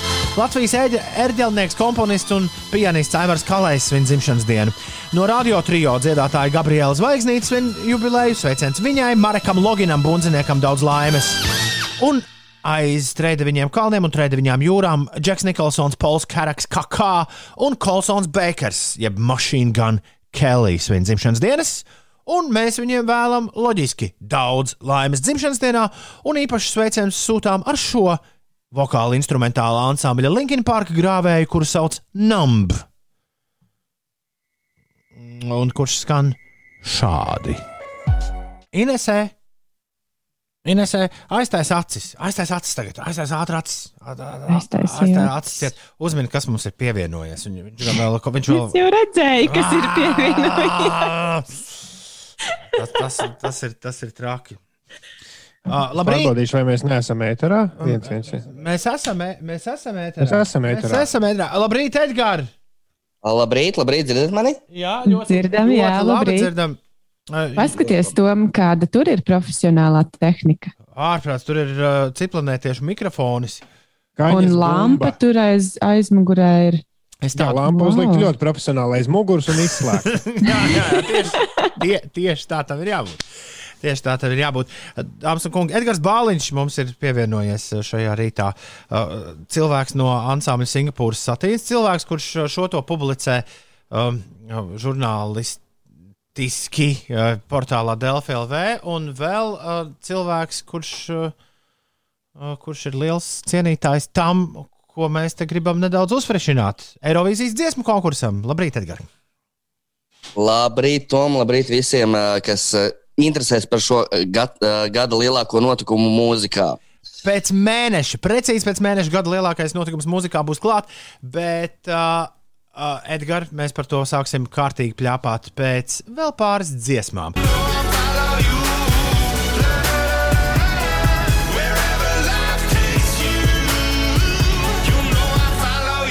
Arī tāpat kā bija tas Maroon 5 pašabēla gabals, Imagine Dragons dziesma Follow You riktīgi atgādina kaut ko senu un klasisku. Bet uh, strūns par to. Edgars Bāliņš, ja Imagine Dragons piedalītos Eirovīzijā, vai viņi uzvarētu? Nu, pirmkārt, ko viņi pārstāvētu, tas jau būtu interesanti. Ja viņi pārstāvētu Latviju, tad visticamāk, ka nē. Bet uh, es domāju, pirmajā desmitniekā viņi tiktu. Pirmajā desmitniekā viņiem vajadzētu tikt ar, tādu, ar kādu labu dziesmu. Ko tu gribi teikt, ka Imagine Dragons uzreiz nav garantēta uzvara Eirovīzijas dziesmu konkursā? Es domāju, noteikti ne. Mēs atceramies, piemēram, supergrupa, Britu supergrupa Blue arī piedalījās servīzijā, tad tu piedalījās servīzijā. Un uh, nevienmēr liels vārds nozīmē augstu vietu servīzijā. Šausmas. Jo viņu fani nezina, kas ir Eirovīzija. Jā, jā, varētu būt. nu jau Tādām zināmām grupām tad tas ir ā, zināms risks. Nu, sabojāt mazliet tā, nu, ne gluži sabojāt reputāciju, bet ā, tās ā, cerētās augstās expectācijas nesasniegt. Jā, piemēram, pasties Pugačovs tagad vispār vairs nevar koncertus dabūt iespējams servīzijas dēļ. ir 20 minūtes pār astoņiem. Pagaidām, mums ir reāls plāns sakarā ar Eirovīziju, bet to mēs atklāsim uzreiz pēc tam, kad Ines būs pastāstījusi, kas notiek. Eiropas Savienībai arī ir plāns. Eh, Savienības eh, pārstāvji ir panākuši vienošanos par jaunu mērķi cīņā ar klimata izmaiņām. Lēmums ir pieņemts brīdi pirms eh, gaidāmā ASV prezidenta Džo Baidena organizētā klimata eh, samita. Tātad ir izvirzīts ambiciozs mērķis līdz eh, šīs desmitgades beigām samazināt siltumnīca efektu izraisošo gāzu emisiju par vismaz 55% salīdzinot ar 1990. gadu. Iepriekš plāns bija par 40%, bet tagad tas par 15% ir audzis. Izrāviens panākts pēc mēnešiem ilgām smagām sarunām. Tā, lūk, tas ir tas, kas mūs gaida tuvākajā desmitgadē. Latvijas Nacionālais Mākslas muzejs lielās atsaucības dēļ cilvēku reģistrāciju uz izstādes nepieradinātās dvēseles simbolisms Baltijas valstu mākslā apmeklējuma nedēļas nogalē ir slēdzis. Tātad vairs reģistrēties, lai apskatītu izstādi, nevar. Jau vakar ziņojām, ka Latvijas Nacionālais Mākslas muzejs veiks epidemioloģiski droša kultūras norises pilotu pro projekta pasākumu. Tātad muzeja apmeklējumu eh, varēs veikt tie cilvēki, kas reģistrējas, eh, lai aizietu uz eh, muzeju apskatīt izstādi. Nu, redzēs, kā muzejam veiksies ar, ar šiem darbiem. Tas ir paredzēts līdz eh, 4. maijam. Ah, kā vienmēr, kā vienmēr kaut kas līdz galam neiet. Es te. Nu, Tom, Nu, jā, man. Bet tas nav briesmīgi, ka viss, Edgars, viss jaucas uh, kopā mūsdienās. Radio, televīzija, internets. Tas, tas ir traki, tur grūti izskriet pavisam cauri. Jā, jā. Nu, re, un Prieks, prieks. Nu, pirmkārt, pirmkārt, nedrīkst būt ar slavenu firmu uzrakstiem te ekrānā. ārprāts. Nu, taču ārprāts. teicu, lai tu vienkārši izgriez uz otru pusi džemperi. Tagad jūs arī dabūsiet to redzēt, kā tas izskatās. Tagad... O, mēs Ceru, to ka- rakstām. Es ceru, ka mēs šo neierakstām. Mēs Nu, ierakstām, ierakstām, vienā, vienā ierakstā mēs to ierakstām, bet, bet kā ir nospiest otru ierakstu, tas šorīt nebūs. Tas būs kādā. Kāpēc nevarēja samainīt drēbes dziesmas laikā? Tas viss vis kaut ko varēja, bet tu tik daudz, kas, tik daudz, kas ir jāizdara. Oh, ir 8,23, ir 4. 22. aprīlis un ir ļoti, ļoti svarīgs mirklis. Mums ir pievienojies eh, Eirovīzijas Latvijā iespējams šobrīd vislielākais, ja ne lielākais, tad jaunākais fans. nu, gada ziņā. Bet tas viss, protams, tikai absolūti iespējams. Edgars Bāliņš, Edgars. Es sveicinātu, tad, kad es ar tevi iepazīstināju iepriekšējā reizē. Es aizmirsu pateikt, ka tu esi arī slavens podkāsteris. Arī, mm. arī, arī šo vēlāk varēs eh, paklausīties podkāstā, bet uh, laiks man ir atklāt, kas mums ir aiz ādas. Ir atlicis mēnesis līdz 65. Eirovīzijas dziesmu konkursam, un laiks to nosvinēt.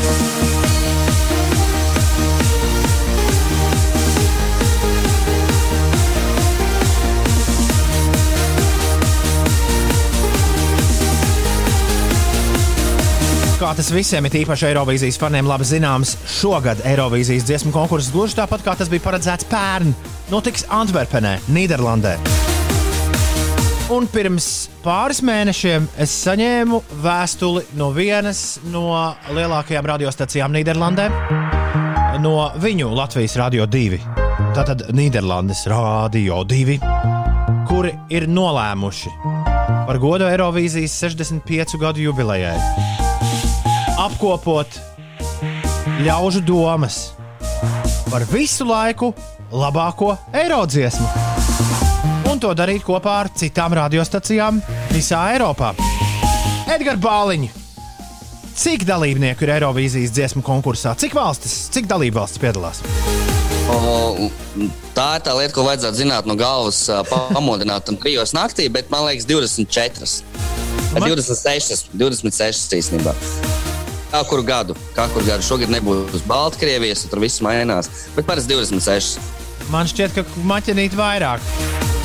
Bet arī es nebiju. Uh, nu, es arī- finālā 26, bet kopumā Jā. 40 ar plus. Jā. Jā, jā, nu, kā tā. Uh, Šajā projektā iesaistījušās ir 19 valstis. Jautās, kāpēc 19? Tāpēc, ka šis atšķirībā no Eirovīzijas ir brīvprātīgs pasākums, jā, kurā katram tika piedāvāta dalība, un mēs, uh, mēs teicām, jā, mēs šo Un ne visi atvērtās vēstules no Nīderlandes Rādio 2. Jā? Uh, Tā varētu būt, tā varētu būt. Vienvārds sakot, jau pavisam drīz šī gada 5. maijā, tad, kad būsim noslavinējuši Latvijas svētkus, 5. maijā, mēs sāksim balsot par visu laiku labāko eiro dziesmu, un uh, balsošanas laiks būs tikai un vienīgi desmit dienas. Pēcāk tiks sastādīti divi topi. Viens mums interesē visvairāk - Latvijas iedzīvotāju vismīļākās Eirovīzijas dziesmas, kuras tās būs no visiem laikiem. Un otrs tops, kuru arī ietekmēs mūsu balsojums, būs lielais tops. Visu valstu kopīgi sastādītais Eirovīzijas visu laiku labāko dziesmu tops, kurā mums tiek doti tieši tikpat daudz punktu kā Lielbritānijai vai Nīderlandai. Proti, mēs piedalīsimies ar savu balsojumu un dosim dziesmām punktus. Gluži tāpat kā viņi, un gluži kā tas notiek Eirovīzijā. Mūsu svars ir tikpat liels kā viņiem. Bet tagad Jā. pats labākais. Rotterdamā notiks. Mēs drīkstēsim balsot par savām dziesmām. Par Ah. dziesmām, kuras ir pārstāvējušas Latviju pirmo reizi mūžā. Mēs varam iebalsot MyStar vai Pirates of the Sea, vai arī I Wanna pirmajā vietā. Visu laiku labākās Eirovīzijas dziesmu, dziesmu topā. Uh, uh, Es zinu, ka Ulas jau tagad gribētu nobalsot par Cake to Bake, bet vēl Jā, jā, tieši, man galvā jau skan cep, cep, cep, cep. cep. Uh, vēl nav īstais laiks. Nu, lūk, un lai tā pamatīgāk šim visam sagatavotos, mēs uh, katru rītu līdz uh, balsojuma noslēgumam aprunāsimies ar kādu cilvēku, kuram ir visai tieši sakars ar Eiro, Eirovīziju. Un neviens cilvēks Eiropā nav sekojis tik ļoti līdz tam, kas notiek šobrīd Eirovīzijā ar šī gada konkursu, kā Edgars. Tu šobrīd Maltas izpildītāja Destiny Žemekase ir uh, pozīcijā numur viens pēc uh, daudzu speciālistu un, un dažādu citu uh, cilvēku domām. Vai tu vari paskaidrot, kāpēc? Es tiešām nevaru īstenībā paskaidrot, kāpēc. Cerētu pētīt šo fenomenu, kāpēc Malta pēkšņi ir buļbuļsaktu prognožu virsotnē. Un uh, arī, arī citi vietējie Eirovīzijas uh, cienītāji nevar izskaidrot šo fenomenu. Nu, varbūt tur ir kaut kas, viņai arī tā dziesma ir par tādām, par uh, šis tas arī par, par, par uh, sieviešu tiesībām, par aktualitātēm. Bet uh, tās prognozes, ka tā dziesma ir favorīta, viņa, tas ir pat vēl nav redzēts šīs dziesmas priekšnesums lielais. Es domāju, ka tad, kad nāks uh, divas nedēļas līdz, līdz finālam, tas tur viss mainīsies, kājām gaisā būs. Kas notika ar Lietuvu un Islandu, kur vienu brīdi bija diezgan pārliecinoši līderos? Kāpēc, mm. tavuprāt, viņi ir noslīdējuši no troņa? Es domāju, Islandē pirmkārt tā dziesma nav šogad tik veiksmīga, kā, kā pērnā gada viņa izcēlēs, izcēlēs sniegums, bet uh, Lietuvai es domāju, ka visas cerības vēl ir saglabājušās. Viņiem dziesma joprojām ir ļoti spēcīga. Un, uh, es domāju, ka viņi tāpat iesaistījās pirmajā trīniekā ļoti veiksmīgi. Šobrīd, skatoties uz bookmaker topu, ir neticami trīs dziesmas ļoti tuvu viena otrai, pirmajā trīniekā, visas franču valodā. Uh, mm. Destiny Žemekasē no Maltas, uh, Franciju pārstāv Barbara Pravī un viņai dziesmu Volā, un Šveici pārstāv Žuns Tiers ar Tutlu Universe. Man patīk, kā runā franciski. Kuru no šīm dziesmām mums tagad vajag noklausīties, pirms mēs nopietni apspriedīsim visu laiku labākās eiro dziesmas? Es domāju, franču dziesmu varētu. Viņa tā diezgan skaista. Iestāvšam rītam, saulēniem. Lai notiek Barbara Pravī un Volā 5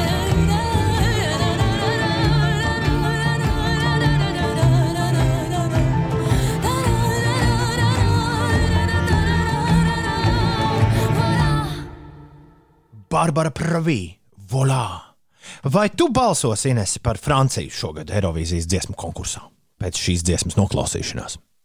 Nu, tā es uzreiz nevaru teikt. Man ir jānoklausās arī citas dziesmas. Ir jāizvērtē, par ko balsot. Oi, mums vesels mēnesis laika to darīt, un to uh, nu, jauno muziku, kas šogad gaidām tieši pēc mēneša Eirovīzijas dziesmu konkursa lielajā finālā, mēs atšķēdīsim ar citu mūziku, ar leģendāru mūziku no Eirovīzijas, gatavojoties lielajam balsojumam par visu laiku labāko Eirovīzijas dziesmu. Uh, Es vēl neesmu līdz galam izpētījis to sistēmu, ko Nīderlandieši ir sataisījuši, bet man šķiet, ka tur jūs varēsiet klikšķināt tāpat kā mūsu rīta dziesmu topā uz nebēdu dziesmas, cik vien jums ienāks prātā. Piedodiet, ja tas tā nebūs, ja tomēr būs kaut kāds noteikts uh, skaits, bet uh, pie tā mēs vēl nonāksim līdz 6. maijam, vēl pietiekami daudz laika, kad sāksim lielo balsojumu. Pirms mēs pārējām pie temata par perfektu Eirovīzijas dziesmu, par visu laiku labāko Eirovīzijas dziesmu. Edgars, kas ir tavs šī gada favorīts un 22. aprīlī, mēnesi līdz konkursam, kam tu šobrīd dod Grand Prix Toipon vai vienalga, kā to sauc? Jā, uh, es 12 punktus un pirmo vietu dotu jau iepriekš minētajiem lietuviešiem patiesībā. Tie ir mani favorīti, un es domāju, ka šogad mums, uh, mūsu brāļi ir jāatbalsta no visas spēka. Viņi tiešām ir izredzes būt uh, kā minimums ļoti augstu pozīciju. Jā, un tad mums ir iespēja. Plus, ja viņi uzvarēs, ja viņi uzvarēs mēs varēsim turpat līdz Kaunijai, līdz Viņai aizbraukt, paskatīties, kāds izstāsta dzīvē. Attālinātā Eirovīzija. ok, jā, labi. Turam īkšķis par lietuviešiem. Pirms gada viņiem gan būtu sanācis, vai ne? Par to vispār Noteikti. nav, par to vispār nav šaubu. Vispār tu noveicās, ka nenorī- neuzrīkoja. Man, protams, tev jāpajautā, kā ies samantai. Samantai nu, arī jāskatās, kāds būs priekšnesums, bet es domāju, ka beidzot mēs tiksim tajā finālā. Vajadzētu tikt. Mēs esam tikuši ar iepriekšējām divām dziesmām, kuras ir sarakstījusi Aminata finālā. Vai Aminata izdosies hat-tricks? To mēs noskaidrosim jau mazāk kā pēc mēneša, jo Samantīna uzstāsies otrajā pusfinālā 20. aprīļa vakarā. Pat hokejs nebūs sācies. Nebūs neviena iemesla, kāpēc neieslēgt televizoru. Starp citu, būs gan. Būs gan. Hokejs sāks tas gan piekdien. būs. Hokejs sāk, sāks Ā, piekdien. ā, Fināls būs sestdien, pareizi. Jā, tu pareizi runā. Jā. Hokejs sāks 21. 20. startē Samanta. Jā. Klau, Edgars Bāliņš. Saki, kādai ir jābūt perfektai Eirovīzijas dziesmai? O, tas šis jautājums, ko, ko mēģina noskaidrot uh, tūkstošiem procentu visā Eiropā, pārsvarā jau Zviedrijā, uh, un, uh, un, uh, un grib atrast to perfekto, perfekto formulu. Nu, man liekas, tur vajag nedaudz pārsteigumu, jā, uzkaisīt, vajag uh, labu producēšanu, labi daudz uzkaisīt. Un, uh, Un, uh, un, un kaut ko tādu lipīgu, tādu, tādu kas aizsver kaut ko, kaut ko tādu negaidītu. Bet, ja mēs ejam uh, tālāk detaļās, vai šai dziesmai jābūt lēnai vai ātrai? Es balsotu par to, ka viņai jābūt ātrai tomēr.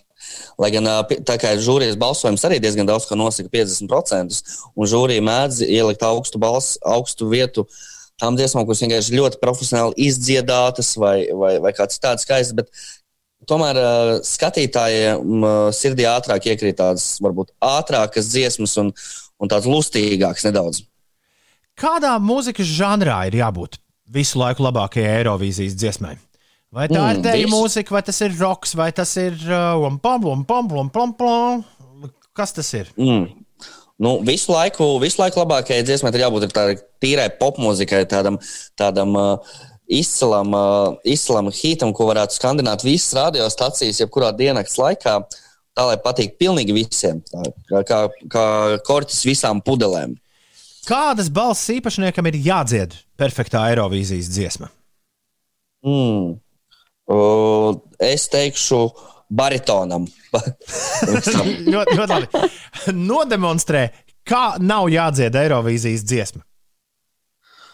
I got to cake the bake, I got no clue at all. Cep, cep, cep, cep, cep, kuku. Es domāju, ka šī tā iet, tad zini, ka tu netiksi finālā. Cik cilvēkiem jābūt uz Eirovīzijas skatuves un kas viņiem jādara? Es domāju, jābūt visiem sešiem. Tas ir maksimālais pieļaujamais skaits, un jādara pēc iespējas vairāk. Uh, jā, jāizpilda skatuve līdz pēdējiem, uh, un, uh, un jāizdara tā, lai skatītājiem ir kur piesiet aci. Maksimāli daudz. Vai arī tad jābūt pilnīgi vienam un, un jāparāda savu, savu vokālo spēku, kā to izdarīja, piemēram, Nīderlandes pārstāvis pirms pāris gadiem. Kas ir jāvelk mugurā, uzstājoties Eirovīzijā? Mm. Nu, daži varbūt uzskata, ka jāvelk ir pēc iespējas mazāk. Tas tāda varbūt modernāka skatītāja tā uzskata, bet uh, nu, arī kaut ko tādu, ko, ko nav kauns redzēt visai Eiropai, visām Eiropas mājsaimniecēm, uh, kas, kas ieslēguši šo, tā, to, šo televizoru šajā vakarā. Kādā valodā ir jādzied Eirovīzijā, un vai drīkst būt atkāpes? Drīkst būt atkāpes noteikti. Valoda vairs nav noteicošais, bet nu, šobrīd vēl laikam būtu vajadzīgs tomēr angļu, angļu valodā dziedāt. Tā būs vienkāršāk. Bet, ja tu bet, saki, ka var būt atkāpes, tad, tad kad šīs atkāpes varētu būt? Tad, ja tu pārstāvi Portugāli un tevi sauc Salvadors Sobrāls, tad tu vari uztaisīt atkāpi. Uh, vai arī, ja, ja tev vienkārši tajā valodā skan smukāk, un nu, tur, tur netulkojās tās lietas, tad var uztaisīt arī savā dzimtajā valodā vai kādā ērtākā valodā vienkārši. Un kas ir jāsaka uz skatuves? Kad ir nodziedāta Eirovīzijas dziesma, tur vēl atstāja mikrofonu iekšā apmēram sekundes desmit. Mēs gan jau sākam, nu, visi komentētāji muldēt virsū, bet mm. varbūt kaut kas ir jāpasaka.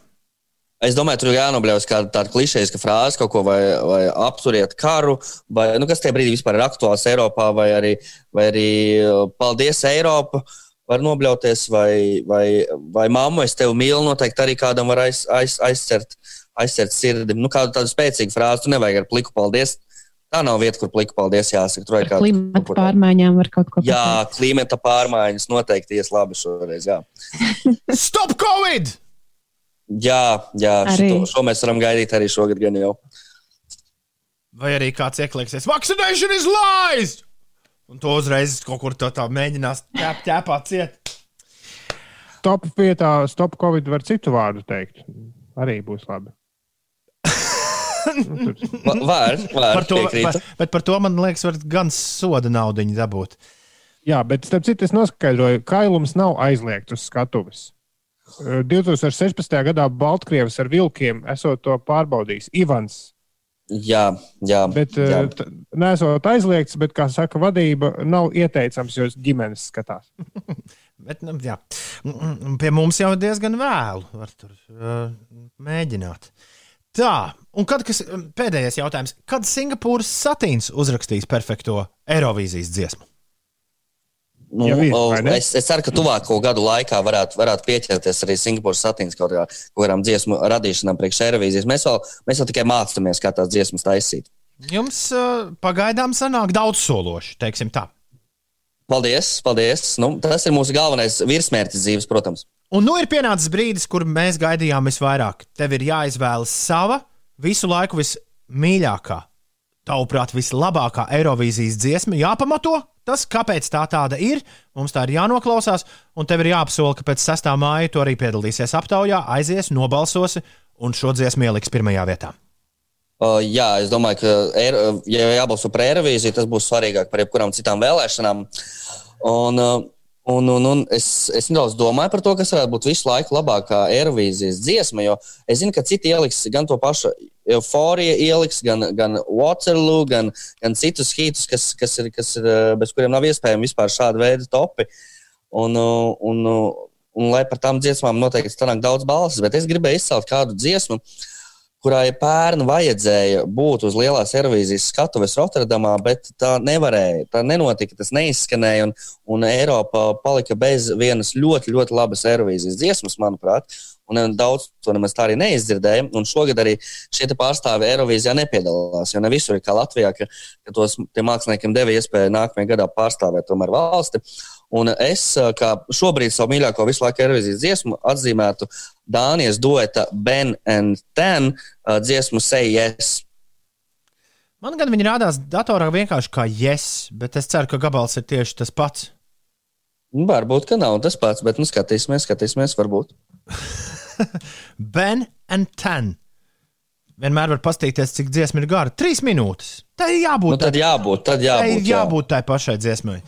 Edgars Bāliņš, turi lūdzu Eirovīzijas pulsu, jo, ja tu to nedarīsi, tad neviens uh, cits to, nu, mēs šeit no rītiem, bet, bet uh, neviens cits to vakaros vismaz pavisam noteikti nedarīs. Un es ļoti ceru, ka ja ne, uh, ja ne uz uh, vēl kādiem ekspertu komentāriem, kādā tiešraidē, tad uh, pavisam noteikti uz lieliskiem tvītiem, kurus es varēšu citēt atkal, esot pie mikrofona Latvijas televīzijā. Uh, cauri pusfināliem un, protams, arī finālā. Esam novienojušies, es turēšu pulsu no visa spēka, un lai arī mums visiem skaists šis gaidīšanas brīdis līdz pat maijam. Maija, maija nogrieznim pēdējiem. 22. maijā Eirovīzijas lielais fināls, pusfinālā 18. un 20. maijā, bet no 6. māja mēs visi kopā skaidrosim, kas ir visu laiku labākā eiro dziesma, un Magnus, viņš būs Eirovīzijas nedēļā manā vietā no rītiem. Magnus atskaņos Eirovīzijas nedēļā jūsu sabalsotās visu laiku vismīļākās eiro dziesmas, un mēs uzzināsim, kāds tad būs šis Eirovīzijas 65 gadus tops Latvijas publikas vērtējumā. Bet tagad lai skan yes vai say yes, Ben and Tan. Tu uzreiz kliedzi, ja tā nav īstā dziesma. Klausāmies! Sarunās! Ir īstā. Jej! Paldies, Edgars! Čau! Čau, Nēs!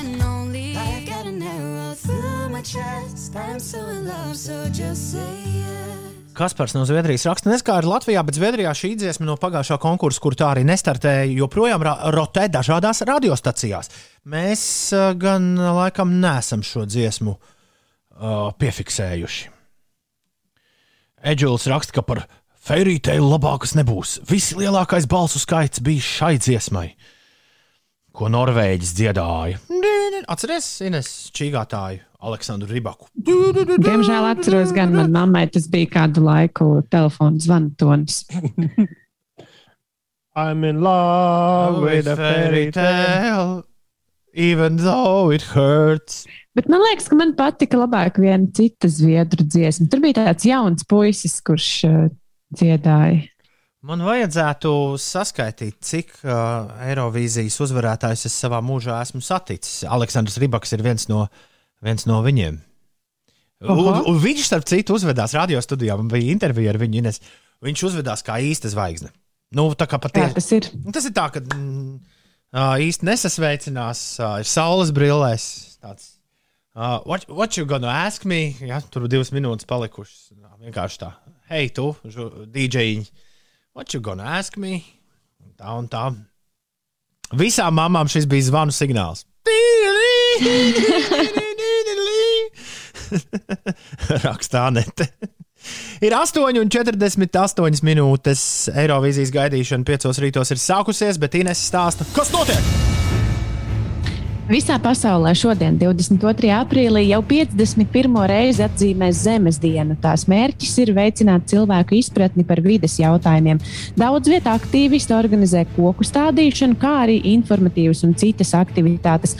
Mežus ļoti bieži dēvē par planētas plaušām, kas absorbē ogļuskābo gāzi un mazina klimata izmaiņu postošās sekas, nozīmīgākie ir tieši tropu meži, bet Āfrikā un Dienvidamerikā cilvēku saimniecības darbības rezultātā to platība būtiski būtiski samazinās. Piemēram, Uh, Ugandā meža platība 30 gadu laikā ir sarukusi no 24% līdz 8%. Un tā tas notiek arī citvietā. Un eh, šajā dienā, eh, šajā dienā aktīvisti iesaistās eh, mežu atjaunošanas darbos, un, piemēram, tur arī kāda 16 gadus veca aktīvisti ir izvirzījusi mērķi desmit gadu laikā organizēt miljonus koku iestādīšanu. Līdzīgus pasākumus vidas aktīvisti īsteno arī Brazīlijā. Bet uh, tas esot tikai piliens jūrā, jo organizācija Global Forest Watch ziņo, ka pa pasaules tropu joslā 2020. gadā ir izcirsti 12 miljoni hektāru uh, mežu. Tālāk, citvietā. Ah, par pašmājām, par laikapstākļiem. Pēcpusdienā un vakarā vietām būs lietus. Jā, gaisa temperatūra vēl pagaidām diezgan silts, plus 7, plus 12 grādi. Piekrastē mazliet vēsāks, plus 5, plus 6. Palielināsies vējš ap 11, 16 metriem sekundē, bet jā, vietām būs eh, lietus. To var arī pavadīt pērkona negaiss vai pat sniegs. Laiks skaistajai dziesmai par to, kas notiks pēc deviņiem mēnešiem, ja šovakar būs jauks vakars. Ir 4. un 22. aprīlis. Labrīt! Tev piedzimst bērns,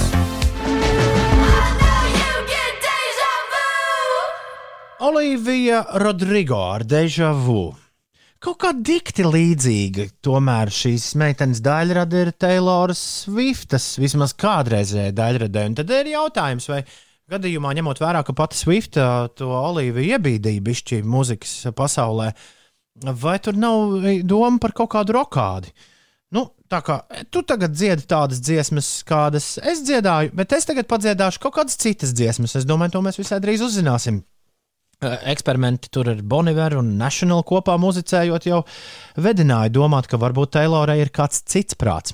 Tikmēr, uh, ne, kāda cita ideja. Tikmēr Taylors, starp citu, šobrīd tieši izdod tos pārrakstītos albumus, par kuriem mēs esam šobrīd, šobrīd runājuši, ja kāds saprot kontekstu. Ir 22. aprīlis. Skan Latvijas radio 5,5 LV un 5 rītos laiks interesantajām ziņām.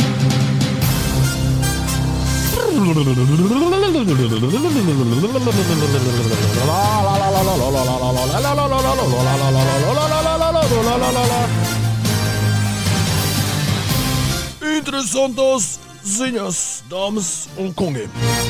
Paklausieties, man ir lieliskas ziņas. Nu, Viens, stāstinu. viens no taviem pēdējā laika mīļākajiem cilvēkiem pasaulē pēc nelielas stīvēšanās un sajukuma tomēr saņems pelnīto samaksu par virsstundām. Vai tu vari, Kurš ties tas varētu vai tu būt? vari uzminēt, par kuru cilvēku es runāju? Samaks par virsstundām.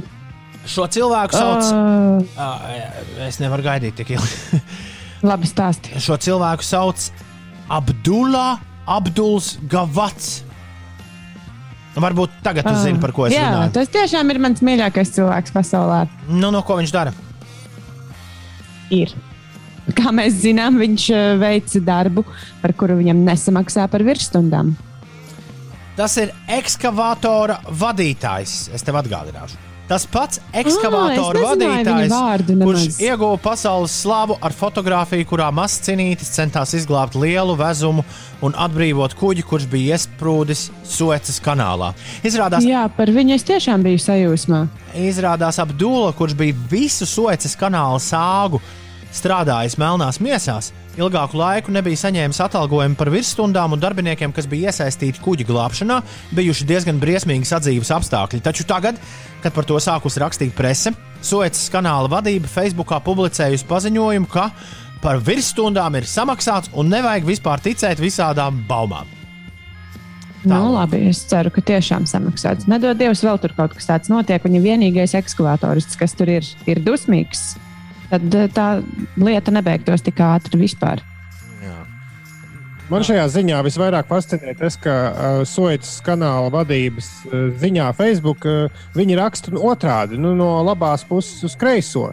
Jā. Kuģa nosaukums Evergiven ir rakstīts ar angļu burtiem un pareizā virzienā. Kāds bija kuģa nosaukums? Uh, Evergiven. Eve, jā, Ever, never given.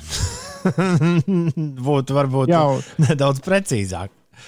Un kā mēs no, nesen noskaidrojām, uz kuģa bija kaut kādas vielas, ar kurām bija paredzēts iznīcināt visus mājlopus, un Turcijas slepenie dienesti to apturēja.